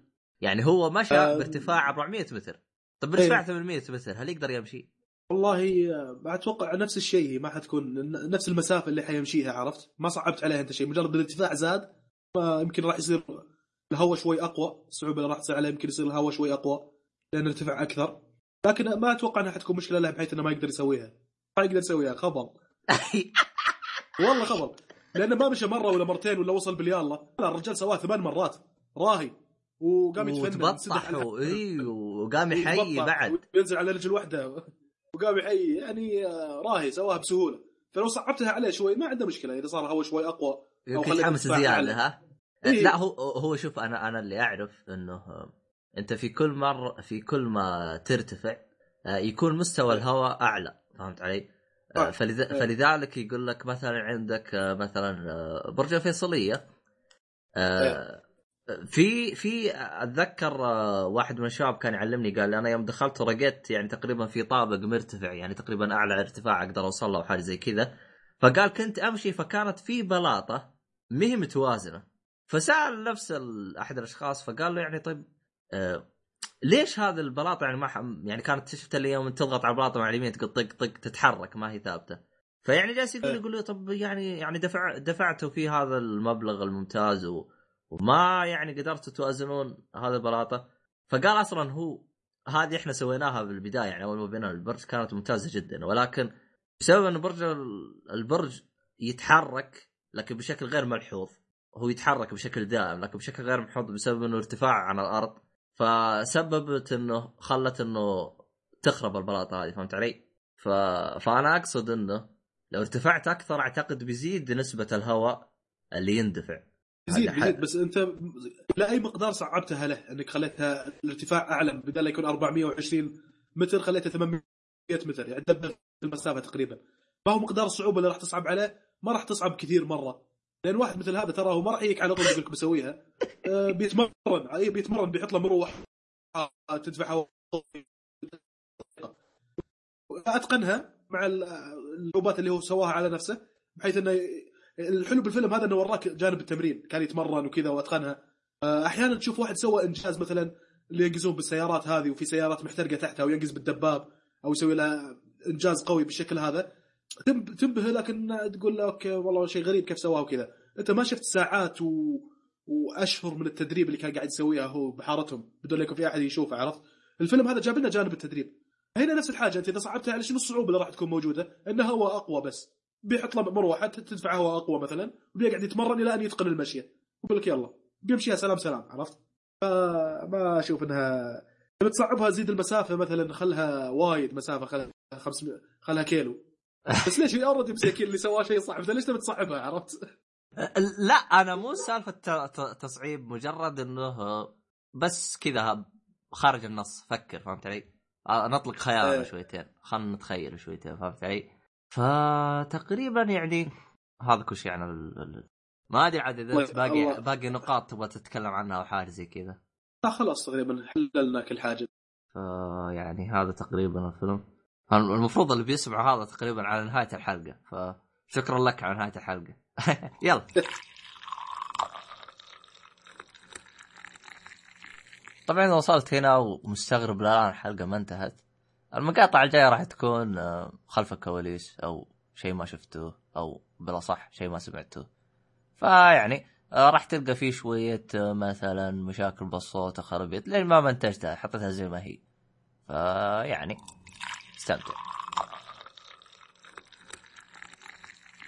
يا فوز. لا. هذا اختبار. تست تست إيه. تستنج تستنج أوه. لكن تستنج وراك تأخرت أبغى أفهم أنا صرت على شنو؟ على اننا شو اسمه هذا سجل لأني توقعت إنك أنا خشيت بالساعة 11 و5 تقريبا أيوه ما لقيت إنك نمت ولا شيء قلت خله ياخذ غفوة شو الوسخ شنو؟ شو المشكلة يا أخي؟ يا ابيك تأخذ غفوة ابيك ترتاح يا ابن الناس إيش غافه يا وسخ أنا ما أدري كيف. صحيت أنت ها؟ أنا ما أدري كيف صحيت أنت تقول لي يا أخي؟ عادي يا أخي أنا أنا عادي الحين أقدر اوصل نمت عنه.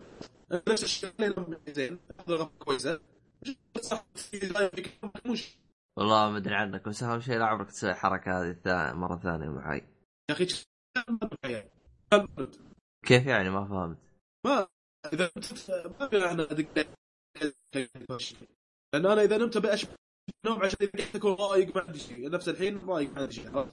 ف خل- المشكلة. لا هو وراك هو دوام أنا بكرة شيء أنا ما عندي دوام بس المقصد مو هنا المقصد خلاص. المقصد أنا نايم آه، من تقريبا الساعة من بعد صلاة العصر فهمت علي؟ يعني أنا أصلا نايم بس انك انت خليتني أزيد نوم آه.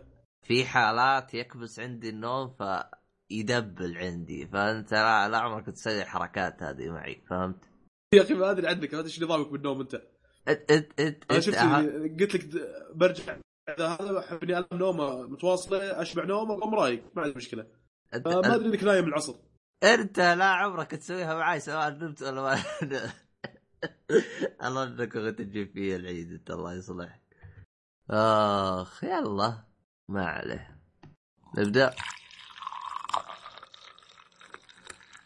ما زال ما زال في صدى. في صدى ها؟ لأن حط عليها زي البطانية. يمكن تاكل لا. لا شوف شوف صوت طامر هذه ممتازة ترى يعني فيصير إيش أنت تق... أنت ت... مثلا تقلل الح... الحساسيه وت... إيه. أو تخليه نفس الحساسية اللي أنت حاط عليها وتجلس بصوت طامر تتكلم لأن أسمعك أنا بكل وضوح عموما إذا أنت صعقت مرة مرتين تمشي فهمت علي؟ طيب اخلق الحساسية اخليها 10 مثلا أنت كم مخليها الآن؟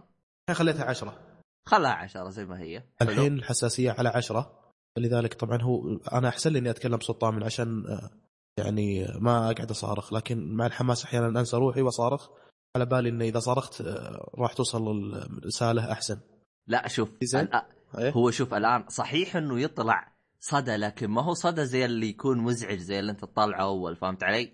إيه أيوه فهمت علي؟ فالآن أنت يا طويل العمر تحتاج إنك تتكلم بصوت طامر. آه، شوف شفت في إيكو ريدكشن إيكو كولكشن هذه شيلها كونسوليشن شيلها صح عن النار طيب. خلص. أنا متأكد إني لو أتكلم بالطريقة هذه بيطلع الصوت جدا واضح. أمم، أمم، واضح. أنا الحين قاعد قاعد, قاعد أتكلم للمايك كاني قاعد أقول لواحد سرب. عرفت؟ أحط ذي- ذيني حول المايك. يا لا. والله مشكلة يا أخي شو أسوي؟ والله. أنا أدري عنك أنا. أنت ما شغلت مخك أنت رايح لل- للشقة. الله يصلحك. الفكرة رهيبة. إيش؟ لوبي حق السكن. إيش؟ لوبي تحت في فروشه وتتكي فيه. طبعا اللوبي مو كأنه فيه إزعاج؟ ما هالوقت ما في أحد. قليل كذا شوي واحد يطلع مثلا. طب يشوفوك ناس تتكلم روحك يجلدوك. واضح إني حاط لي حاط ماي كلهم بينون ها. لا حول ولا قوة إلا بالله. الغرفة. تستنج تستنج واحد اثنين. الحين طيب شلون؟ قلت لك هذه- أنت خلك متكلم بصوت واطي وعاد و- هي حلقة ترى بس الحلقة هذه وبعدين خلاص أمورك بتزبط.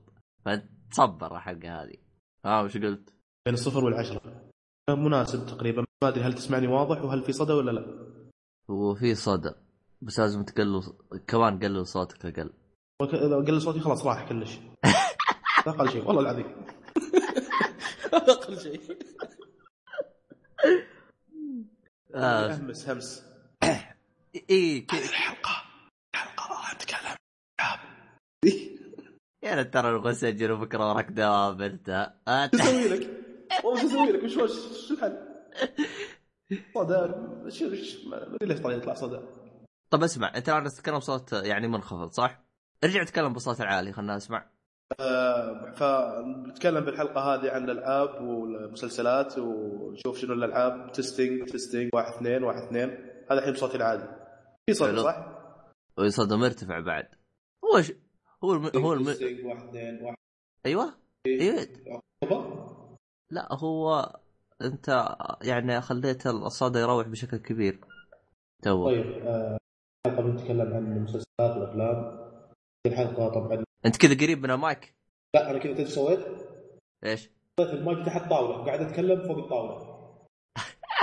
قسم بالله والله لا.